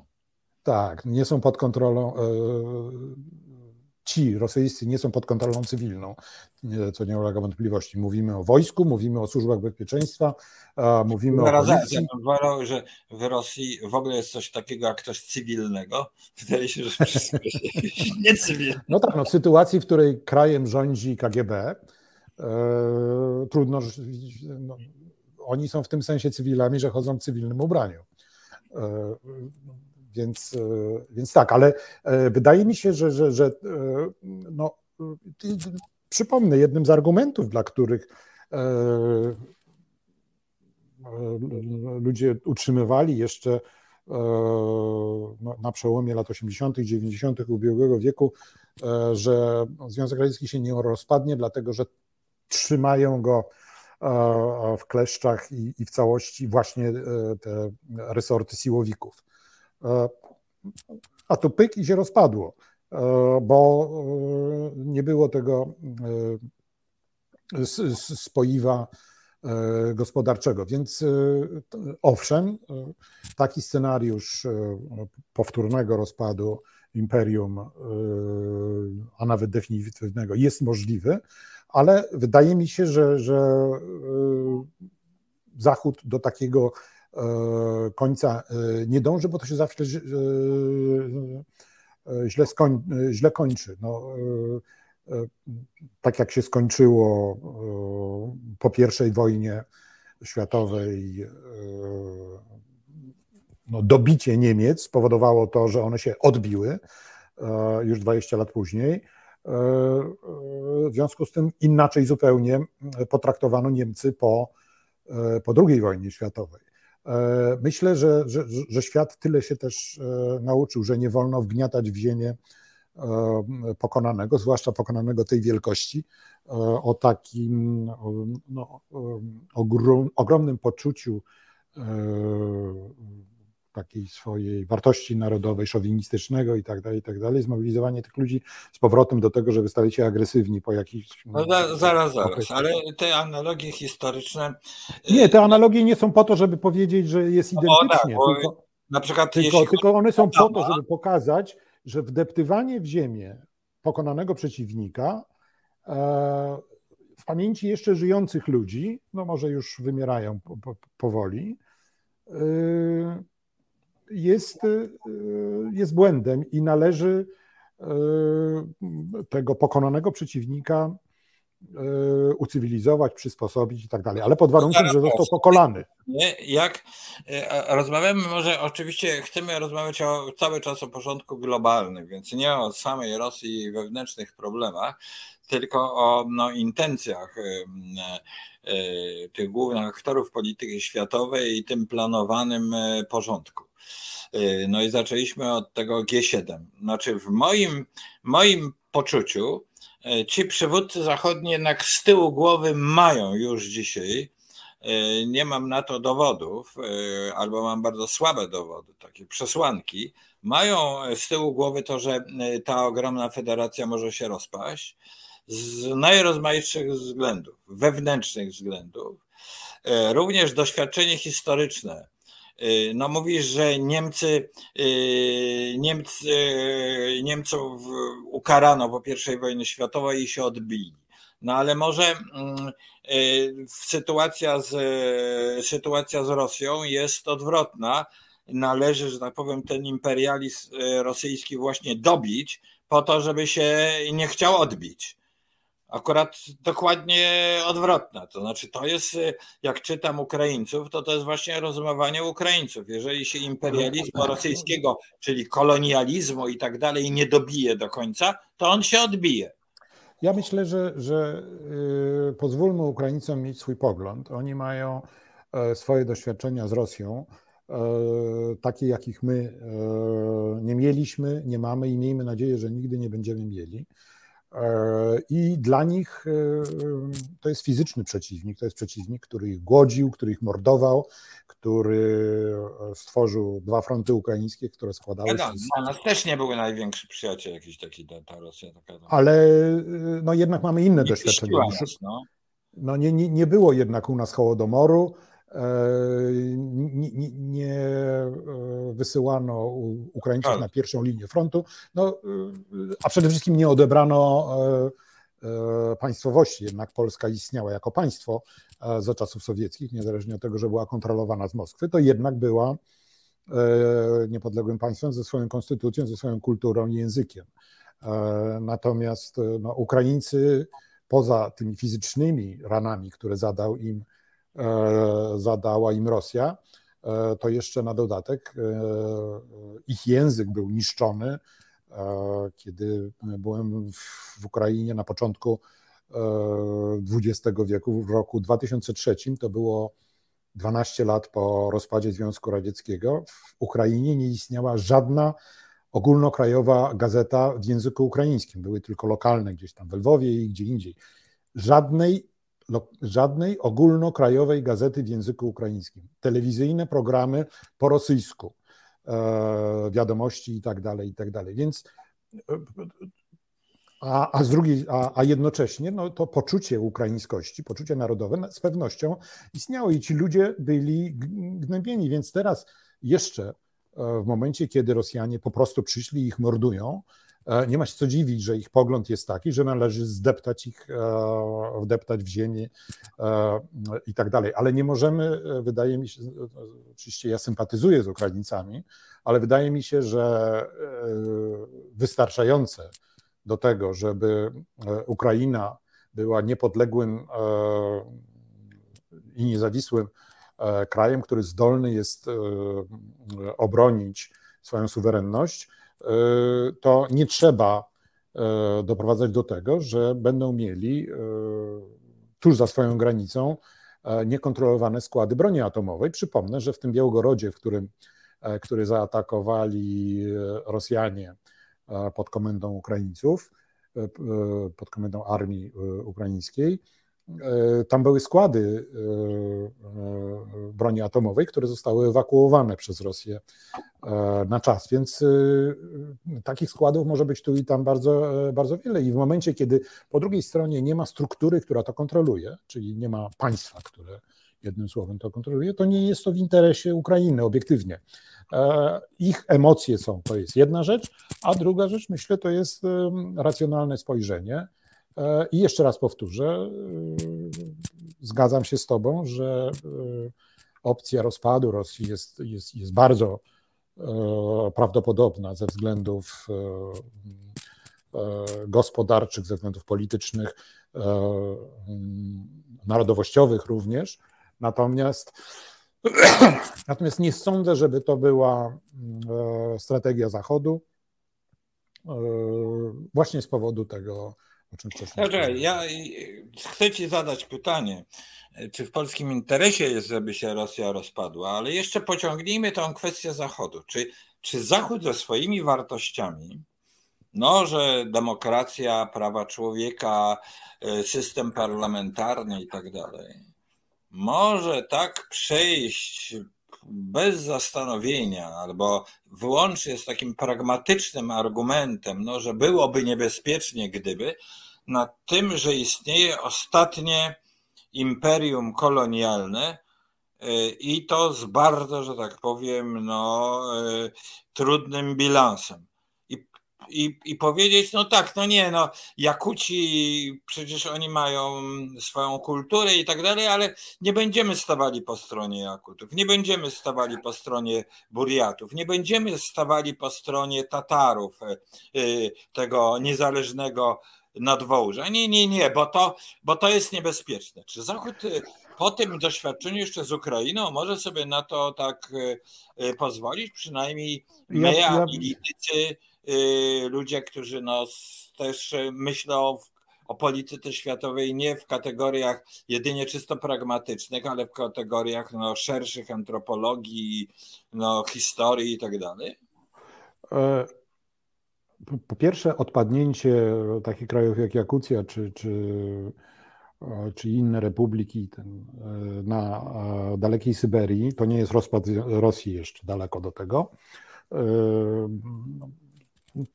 i y, jeżeli masz postulaty takie romantyczne, że, że świat się tym przejmie, no to oczywiście możesz sobie o tym porozmawiać, jak to mówią Rosjanie, na kuchni. Natomiast interesy świata jednak nie, nie, nie, nie są budowane. Do mojej kuchni ci zapraszam też. to Rosjanie są pagawarim na kuchni. E, I, ta, takie dyskusje e, prowadzone e, na, na, kuchni właśnie dopuszczają tego rodzaju no, takie moralne stanowiska. Ja jestem całą duszą za tym, co ty mówisz, ale wolałbym, żebyśmy jednak patrzyli realistycznie na to, co się dzieje, bo świat właśnie bardziej się boi niekontrolowanych składów z bronią atomową, niż dba o dobre samopoczucie Tatarów tam nad Wołgą. No dobrze, ale równie dobrze można dojść do wniosku, że Rosja osłabiona będzie jeszcze bardziej sfrustrowana. Wojna się zakończy, Rosja się nie rozpadnie, Zachód zmniejszy sankcje, także to, ten, to co opisywałeś, ten ta relacja Moskwa-regiony destrukcyjnie nie zadziała. Y, no i y, jednak będzie tak sfrustrowana, że w następnym jakimś y, przypływie szału użyje tą broń atomową. Znaczy, jeżeli myślisz, że e, że e, rosyjskie elity, które mogą naciskać te rozmaite guziki, e, to są samobójcy, to oczywiście możemy e, taką tezę przyjąć. Ja nie sądzę, żeby to byli samobójcy. Oni doskonale wiedzą, jaka jest przewaga. E, ci, którzy mieliby tę broń wysyłać w stronę Zachodu, oni doskonale wiedzą, jaka jest sytuacja militarna i że to jest po prostu dla nich śmierć, żadne bunkry ich nie obronią. W każdym wypadku E, e, nawet bardzo osłabiona Rosja, Rosja, która już nie jest potęgą światową, tylko sobie wyobraża, że dalej jest potęgą światową, ponieważ jest ogromnym e, krajem, może zostać wciągnięta jakoś w ten międzynarodowy ład, kontrolowany prawem, traktatami, wymianą handlową, sprawiedliwą wymianą handlową i tak dalej. Być może ja jestem tutaj idealistą, ale idealistą większym jednak jesteś ty, e, kiedy, e, kiedy mówisz, że e, na, przy następnym spotkaniu G7 panowie zaczną płakać nad losem Baszkirów i Jakutów. I nie, nie, wiesz, znaczy ja w tak wysoki standard moralny polityki globalnej nie wierzę. Natomiast wiesz, od lat czytam analizy takich think tanków amerykańskich jak Jamestown Foundation i tak dalej. I ten, tak, e, to wyobrażenie rozpadu Rosji istnieje co najmniej od lat dwudziestych i ono, kiedy w ogóle nie było mowy o tym, że, Putin zrobił, no, zachowa się jak kompletny głupiec i tak dalej, no oprócz tego, no to wszystko jest jakaś niebywałą głupotą, to co robi Putin, y, tylko opierało się na danych y, demograficznych, gospodarczych i tak dalej, to znaczy, że ten kraj y, bez jakichś szalenie głębokich reform nie ma szans, a również, że to terytorium tak ogromne, stanowi gigantyczne obciążenie i właściwie te reformy uniemożliwia. To mówię analizy, które trwają od ponad 20 lat, czyli krótko mówiąc, te analizy wskazywały, że Rosja prędzej czy później ta federacja, to ogromne terytorium musi się rozpaść. To było. No ono, to, to było oparte również o tę analizę, którą ja tutaj przedstawiłem, że, że Rosja nie jest, Moskwa nie jest w stanie utrzymać yy, ekonomicznie tego systemu i to po prostu się rozpadnie jak centryfuga. No tak, no, to jeśli tak, ale, to, e, ale to, to, teraz jest... jest... okazja, żeby to, że tak powiem, się stało, e, bo... Ale nie wiem, czy chcemy tego. Ja próbuję e, powiedzieć coś takiego, że z jednej strony to jest bardzo możliwe, tylko nie wiem, czy powinniśmy tego chcieć.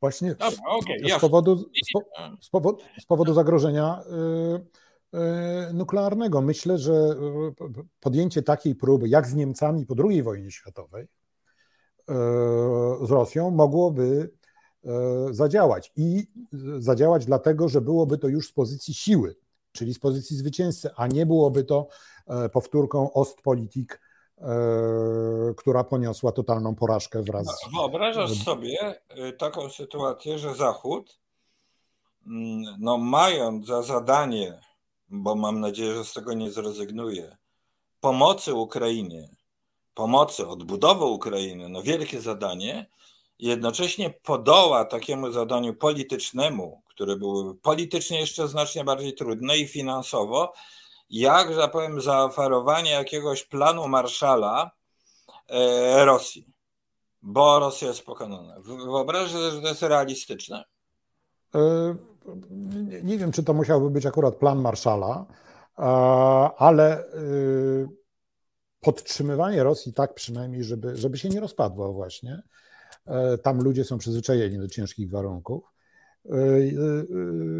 Cywilizowanie Rosji i Rosjan no, podwyższenie im trochę ceny wódki i tak dalej, i tak dalej, e, to nie jest coś tak kłopotliwego jak plan Marszala. Poza tym pamiętajmy, że plan Marszala poprzez to, że Stany Zjednoczone e,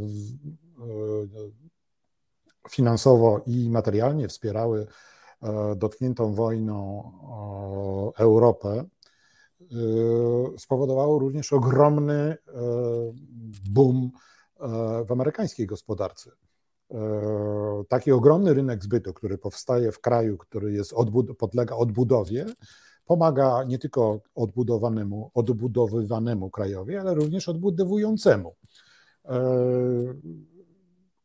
już no, teraz. Ale ten odbudowywany kraj to w obecnych planach właśnie ma być Ukraina. Tak, ale ja myślę, że świat e, przy bogactwie Rosji, bo nie zapominajmy o tym, że co prawda jest to kraj, e, państwo upadłe, zdemoralizowane, z, z emigrującymi elitami intelektualnymi i tak dalej, i tak to jednak w dalszym ciągu jest to kraj potężnej gospodarki i kraj o ogromnych zasobach naturalnych. To nie jest tak, że trzeba by było karmić Rosjan e, zupką na ulicach. E, warto jest być e, przyjacielem takiej potęgi gospodarczej, nawet jeżeli ona jest dopiero pod ziemią i tak dalej, i tak dalej. Więc... No, ale powiedziałeś coś takiego, że, że może być tak trzymanie Rosji, żeby się nie rozpadła na kroplówce. Przepraszam, że wyciągam mi tylko jedno twoje sformułowanie i wtedy użyję następującej metafory, że pacjenta, który jest na kroplówce, to raczej nie jest pacjent do cywilizowania. No, y, y, ja słowa kroplówka chyba nie użyłem. E, natomiast jeżeli łapiesz mnie e, za takie słowa, to na pewno nie chodziło mi o, umierającego. Raczej chodziło mi o osłabionego człowieka w sile wieku, który, y, któremu y, pomoc taka czy inna może umożliwić powrót do normalnego życia, spowodować jego wdzięczność w przyszłości i tak dalej, i tak dalej. Co prawda to jest trudne, bo najbardziej antyamerykańskim krajem w Europie są Niemcy, e, które najwięcej Ameryce ze wszystkich krajów europejskich zawdzięczają. Więc takie paradoksy na pewno e, odbywałyby się również e, w Rosji. Tym niemniej, patrząc na to wszystko, no, globalnie. Wydaje mi się, że również przyciąganie Rosji, oczywiście już dawno po upadku Putina, przyciąganie Rosji w stronę Zachodu, używając argumentu, że dużo większym, proszę Państwa, drogie towarzyści, dla Was zagrożeniem są Chiny, E, i to wasze południowe podbrzusze, czyli, centra, e, czyli kraje centralnej Azji, e, że dużo bliżej wam Rosjanie cywilizacyjnie, w końcu chrześcijaństwo, cywilizacyjnie, gospodarczo, politycznie, mentalnie, bliżej wam jest jednak do Europy, do Zachodu, a nie do, e, e, do Chin i centralnej Azji. E, rosyjskie elity intelektualne zdają sobie doskonale z tego sprawę i myślę, że sam Putin również sobie zdaje z tego sprawę. No, Putin już nie Tylko... wyjść. Jeszcze raz? Putin już jest bez wyjścia, on już jest... No tak, może... ale nie, tylko mówię w tym sensie, że, że, że, że, e, że nawet e, tacy twardogłowi przywódcy doskonale wiedzą, że, że to Chiny są zagrożeniem dla Rosji, a nie Zachód. To jest zmyślone, że Zachód jest jakimś zagrożeniem dla Rosji. Zachód jest e, dla Rosji nadzieją. Ale... I mam nadzieję, że są Rosjanie, którzy, którzy to wiedzą. Proszę Państwa, ja mm, E, tak przepytuję redaktora Broniatowskiego. Przypominam, polityko fa, nie wspomnieliśmy, redaktor naczelny Forbesa, no i tak dalej. Kiedyś, to dawno. Tak. Teraz Onet. E, teraz Onet, ale mm, y, jednak się nie do końca zgadzam. Państwo widzą ten tutaj lekki spór. Mm, chociaż... Pozostajemy uśmiechnięci. Tak, więc bardzo byłbym ciekawy, żeby Państwo po zakończeniu mm, tej audycji, lajkując i subskrybując, jeszcze wzięli udział w tej sporze właśnie. No i tu jest to mm, pytanie y, też na koniec, czy w polskim interesie jest, aby się Rosja rozpadła? To znaczy, bo to jest globalna polityka. Oczywiście, co Warszawa w tej sprawie ma do powiedzenia, może nie ma aż takiego znaczenia, nie chciałbym, żeby odpowiadając na to pytanie, żebyśmy dotykali problemów polityki wewnętrznej aktualnej, bo to no nie, nie, nie o tym jest nasza dyskusja. Ale przeczytałem mm, gdzieś w jakimś portalu, że e, Polska nie jest tym zainteresowana, ponieważ wtedy Zachód stałby się zarozumiały, no ten Zachód zachodni, i by zaczął nad Polską bardziej dominować. No możemy się domyślić. No to, jest, to jest teza y, tych wszystkich. E, ja nawet się nie, nie, nie, nie, nie, nie, nie powstrzymam od użycia słowa bęcwałów, e, którzy y, no mniej więcej podobnie jak propaganda rosyjska e, próbują wmówić ludziom, swoim słuchaczom, że z założenia Zachód jest naszym wrogiem. Po pierwsze, Zachód nie jest naszym wrogiem, my jesteśmy częścią Zachodu, Zachodowi zależy na ogromnym kraju na wschodnim krańcu e, e, Europy, e,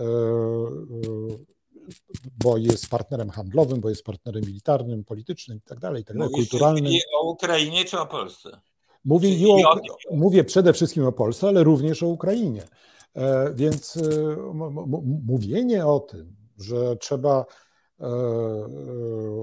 Rosji się trzymać, żeby się bronić przed strasznym Zachodem, no to ten, no, w następnym etapie e, tego rodzaju wypowiedzi mogą doprowadzić do otrzymania jakiejś gratyfikacji z Kremla, no bo to, to Rosji dokładnie o to chodzi, żeby skłócić państwa Zachodu. Polska jest częścią Zachodu. Polska jest ważnym, no ale jednak ważnym członkiem Unii Europejskiej, jest ważnym członkiem NATO jesteśmy częścią Zachodu i naprawdę e, Zachód na nas nie dybie. Zachód oczywiście, państwa Zachodu, każde z tych państw ma swoje własne interesy, które czasami konkurują z Polską, na przykład Francuzi konkurują z polskim rolnictwem, e, ale to nie znaczy, e, że mają jakieś mordercze zapędy wobec nas. No czekaj, ale mm, to przytoczyłem tak, żeby, żeby cię rozgrzać skrajny pogląd. Natomiast no, tak jak Polska pomogła niewątpliwie Ukrainie w pierwszej fazie tej ostrej wojny po lutym 22 e, roku, prawda? E, no, robiąc kampanię i tak dalej, e, nawet często w sposób taki no, naiwny, przesadzony, ale jednak może i skuteczny, atakując Zachód, że pomaga za mało, że jest naiwny i tak dalej, może powstać taka sytuacja, że teraz Rosja no, gdzieś jest na grani tego rozpadu.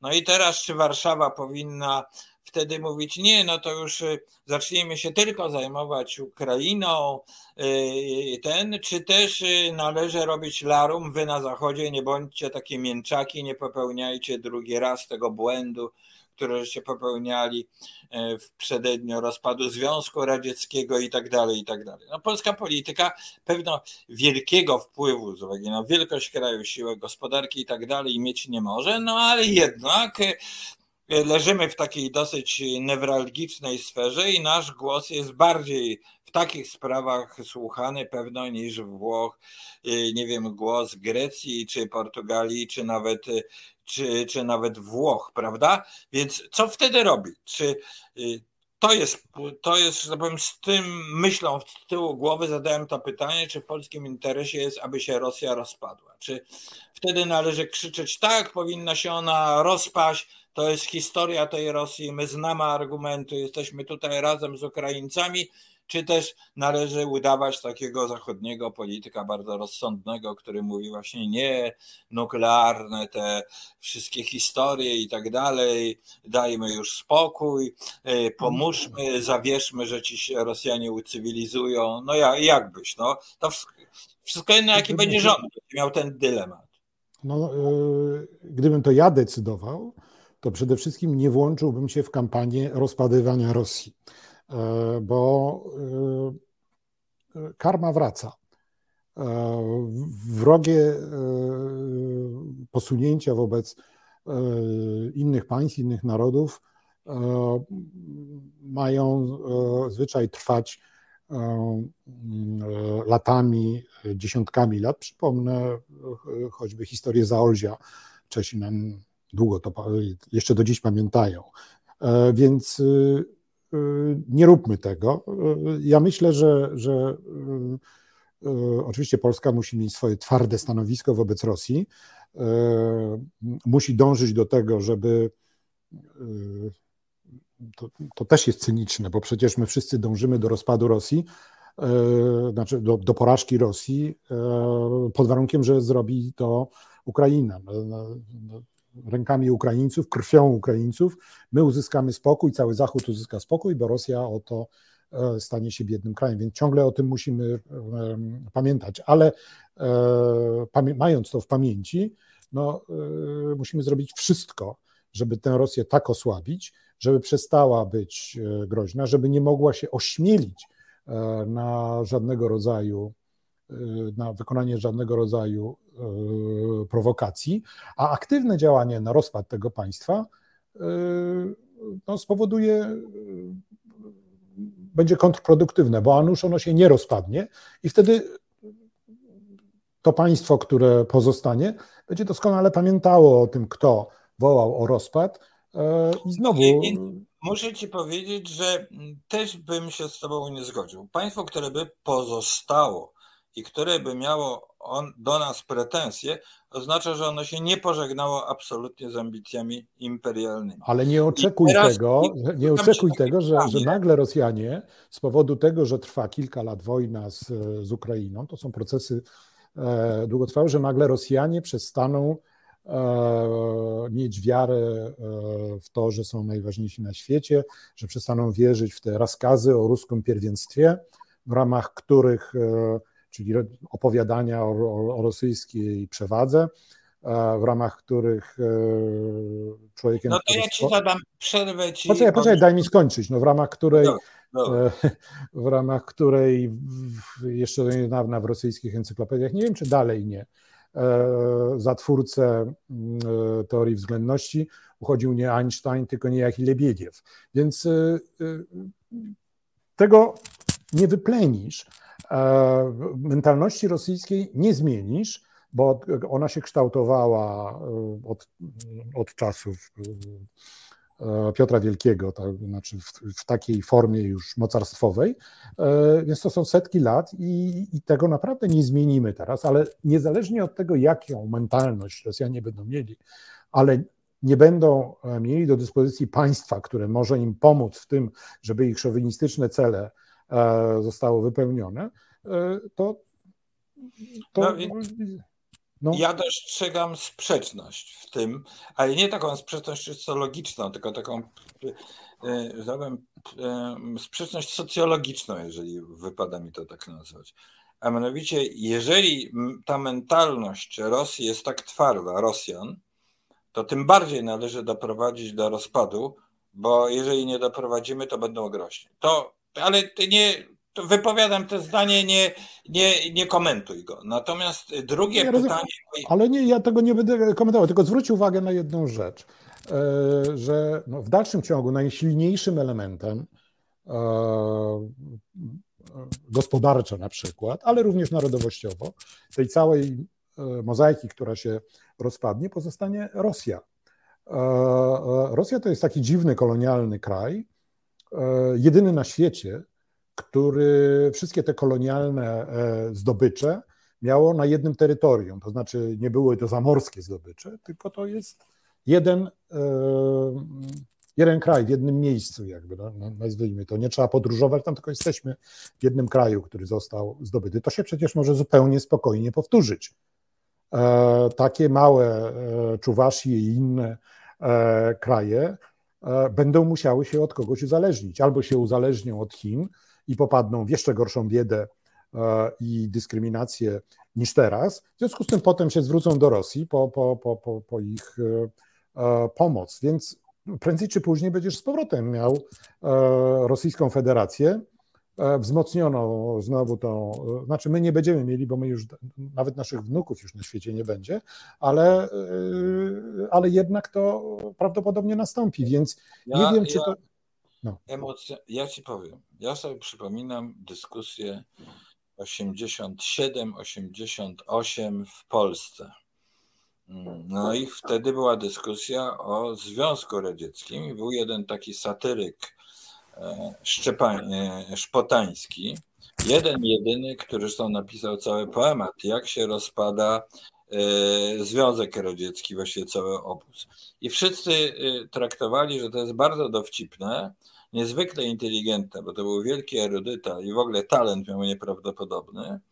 E, natomiast e, napisał wiele utworów ciekawych, moim zdaniem dotychczas aktualnych, ale mm, no właśnie nikt mu nie wierzył. No i masz bardzo w krótkim czasie ten twór się rozpadł. To jest pierwszy mój taki, no nie to żaden argument, tylko taka, tak nadmieniam.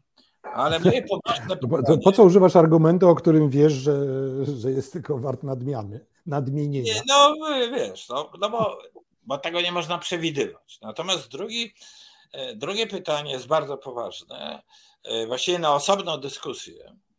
E, czy w ogóle Rosja istnieje? Bo zwróć uwagę, że ten oddział, to jest oczywiście anegdota, który tam wkroczył do tej białogradzkiej tego obwodu nazywał się Ruski Korpus. Oni się nie, nawet nie chcieli nazywać Rosjanami. To jest po, podział językowy Rosjanie, jeszcze z czasów Gorbaczowa i wcześniejszy. Rosjanie, Ruscy, prawda? W o, terminu no, Rosjanie... Ruski, ruski człowiek to jest właśnie e, etniczne określenie. Tak, no etniczne. A, a Rosjanin to jest obywatel Rosji. Bo ros, e, terminu Rosjanin nie było w Rosji carskiej. No, no więc właśnie, Rosjanie... ale myślę, że nie ma sensu wchodzenie w takie rzeczy. No nie, nie, nie. Chodzi o, to, chodzi o to, czy rzeczywiście Rosja, mm, Federacja Rosyjska jest rzeczywiście Rosją. I w tym sensie. Proszę, jak chcesz zadawać takie pytania, to za, no. zadaj to pytanie y, ludziom, na których spadają rosyjskie gazety, y, przepraszam, rakiety, gazety, proszę na których spadają rosyjskie rakiety, albo żołnierzy czekaj, czekaj, czekaj. Właśnie w okopach. Ludzie... Zapytaj ich, czy Rosja jest Rosją. To, to ci powiem. Nie, nie, nie, nie. Właśnie ci ludzie dzisiaj zadają te pytania. Właśnie ci ludzie, Ukraińcy zadają takie pytania. Znaczy, to mylisz się. Ukraińcy zadają takie pytanie, bo Ukraińcy są zdania, e, w jakiś sposób, mając wiedzę też od środka, no to są ludzie też ta elita ukraińska to jest też rosyjskojęzyczna w pełni, prawda? Oni zadają to niejako tak na wpół od środka i oni twierdzą, że z tą rosyjską tożsamością jest bardzo słabo, że te okrucieństwa, że, że ten imperializm, że on jest w zasadzie pusty, że za tym nie stoi już żadna kultura i że to jest właśnie rozpad. To, to jest ich teza. Ja, e, ja bym się chętnie do niej przychylił, ale obawiam się, że to jest myślenie zachciankowe. Bo owszem, jest tak, że największe zbrodnie, na przykład Bucze, e, popełniali przedstawiciele e, tych dalekich narodowości, no, niesłowiańskie, nazwijmy to. No, ludzie o bardzo niskiej kulturze, gdzie wartość ludzkiego życia jest bardzo niska, Owszem, tacy istnieją, ale jednak ety, ety, Rosjan poddanych pewnej etyce zachodniej, w sensie na przykład wyznawania wiary chrześcijańskiej. Wydaje mi się, że, że, że, że Ukraińcy nie są dobrym argumentem w ogóle w tej dyskusji, dlatego z tego powodu, o którym już mówiłem. Oni mają po prostu e, dużo większą zadrę z powodu Rosji i oni by bardzo chcieli, e, żeby Rosja nie istniała jako Rosja, żeby Rosja się rozpadła, żeby już im nigdy nie przeszkadzała. E, są nawet tacy Ukraińcy, którzy chcieliby zająć Kreml. Więc... Ja, ja ci powiem, ja ci powiem, ja piłem z chłopakami z Azowa i jak tak żeśmy już byli, wiesz, po e, no powiedzmy paru, paru głębszych, to żeśmy już pili za to, że się spotkamy na Placu Czerwonym. To... No tak, tak, ale to musieliście w tym celu jednak się trochę napić. E, bo no, na, dobra, bo na. Oczywiście, ale to poza tym trzeba też przypomnieć, co to jest Azow. Azow to są bardzo ich e, lubimy i cenimy, dlatego że są bardzo bohaterskimi i dobrymi żołnierzami, ale to jest formacja nacjonalistów. E, I to takich bardzo e, czarnego koloru, więc. Bardzo byłbym ostrożny i są. Byłam, no dobrze, dobrze, dobrze u, u, swojego zarania. Teraz to już po prostu ci, ci najgorętsi już dawno zginęli, a przynajmniej większość. Więc Posłuchaj. Są w każdym narodzie, w każdym narodzie są tacy, którzy chcieliby albo maszerować po, po tym, po e, e, Placu Czerwonym, są też tacy, co chcieliby e, przemaszerować przez całą Jerozolimę. Jest mnóstwo takich, jest w każdym narodzie, ale generalnie trzeba, trzeba właśnie brać tę poprawkę na to, że jednak istnieje centrum, że e, ukraiński pogląd w tej chwili na Rosję nie może być no, naszym takim e, miarą, metrem z Sewr na temat tego, jak, jak mieć stosunek do Rosji, bo no, oni są w tej sprawie bardzo emocjonalni i mają rację. Natomiast no, poza tym Polska musi mieć też swoje interesy. No. Poza, ja pryncypialnie się z Tobą zgadzam, tym bardziej w kontekście naszej dyskusji że a tu żeśmy się zgodzili, że właściwie szykuje się jakiś nowy porządek świata i oczywiście y, wolna Ukraina, osłabiona Rosja, to niezależnie od wszystkiego, czy tam rozpad Rosji, czy nie rozpad Rosji, stwarza dla Polski całkowicie nową sytuację, prawda? Y, no i trzeba myśleć o jakie są wtedy nasze interesy, jak dbać o nasz dobrobyt, bezpieczeństwo w nowych warunkach, chociaż wydaje mi się, że w tym nowym, rysującym się porządku świata bylibyśmy dużo, dużo bardziej bezpieczni. A na końcu pozwolisz, że ci opowiem anegdotę. Jadę sobie z takim chłopakiem, co to właśnie Zazowa, ale no, e, chcę ci powiedzieć, że absolwent Wydziału Filozofii, e, doktorat i tak dalej, no wiesz, taki ten. I patrzę, a tu ten nacjonalista ma flagę, y, proszę ciebie, Estonii, tak wbitą w, w, w, w samochód. Znaczy tam wiesz, przy, przy szybie. To ja go pytam, posłuchaj, mm, skąd ci się tam wzięła ta flaga? To ktoś ci tam wręczył? Nie, nie, ja ją wożę cały czas. A dlaczego ją tak wozisz cały czas? Bo wiesz, bo ja, ja wiem, ja wiem, że tylko małe narody nie są głupie. Hmm, widzisz. No więc y, tak on to powiedział i ja myślę, że z dużymi narodami, zwłaszcza takimi jak Federacja Rosyjska czy Rosja, mamy ogromne kłopoty. A z taką podzieloną Rosją, i tu się trochę różnimy, mielibyśmy mniej kłopotów niż z tą wielką. No, ale to Żadnej wielka... gwarancji, że ta Rosja się kiedyś nie połączy. No, no. I na tym zakończmy, bo nie możemy tego rozstrzygać. E, dziękuję Ci, Michał, ogromnie. Pasjonująca jest rozmowa z Tobą. Zresztą nie moja pierwsza rozmowa i mam nadzieję, że e, nie ostatnia tutaj na, na forum RSET-u Obywatelskiego. I to no, do zobaczenia. A co będzie? Nie, nie powiem, bo to jest strasznie głupie wyrażenie. Co będzie, to będzie. Nie, trzeba pilnie obserwować te wypadki i rozumieć, co się dzieje. No i próbować też na nie wpłynąć, bo co będzie, to będzie, to, to, to nie, też się nie zgadzam. Dziękuję bardzo. Dziękuję.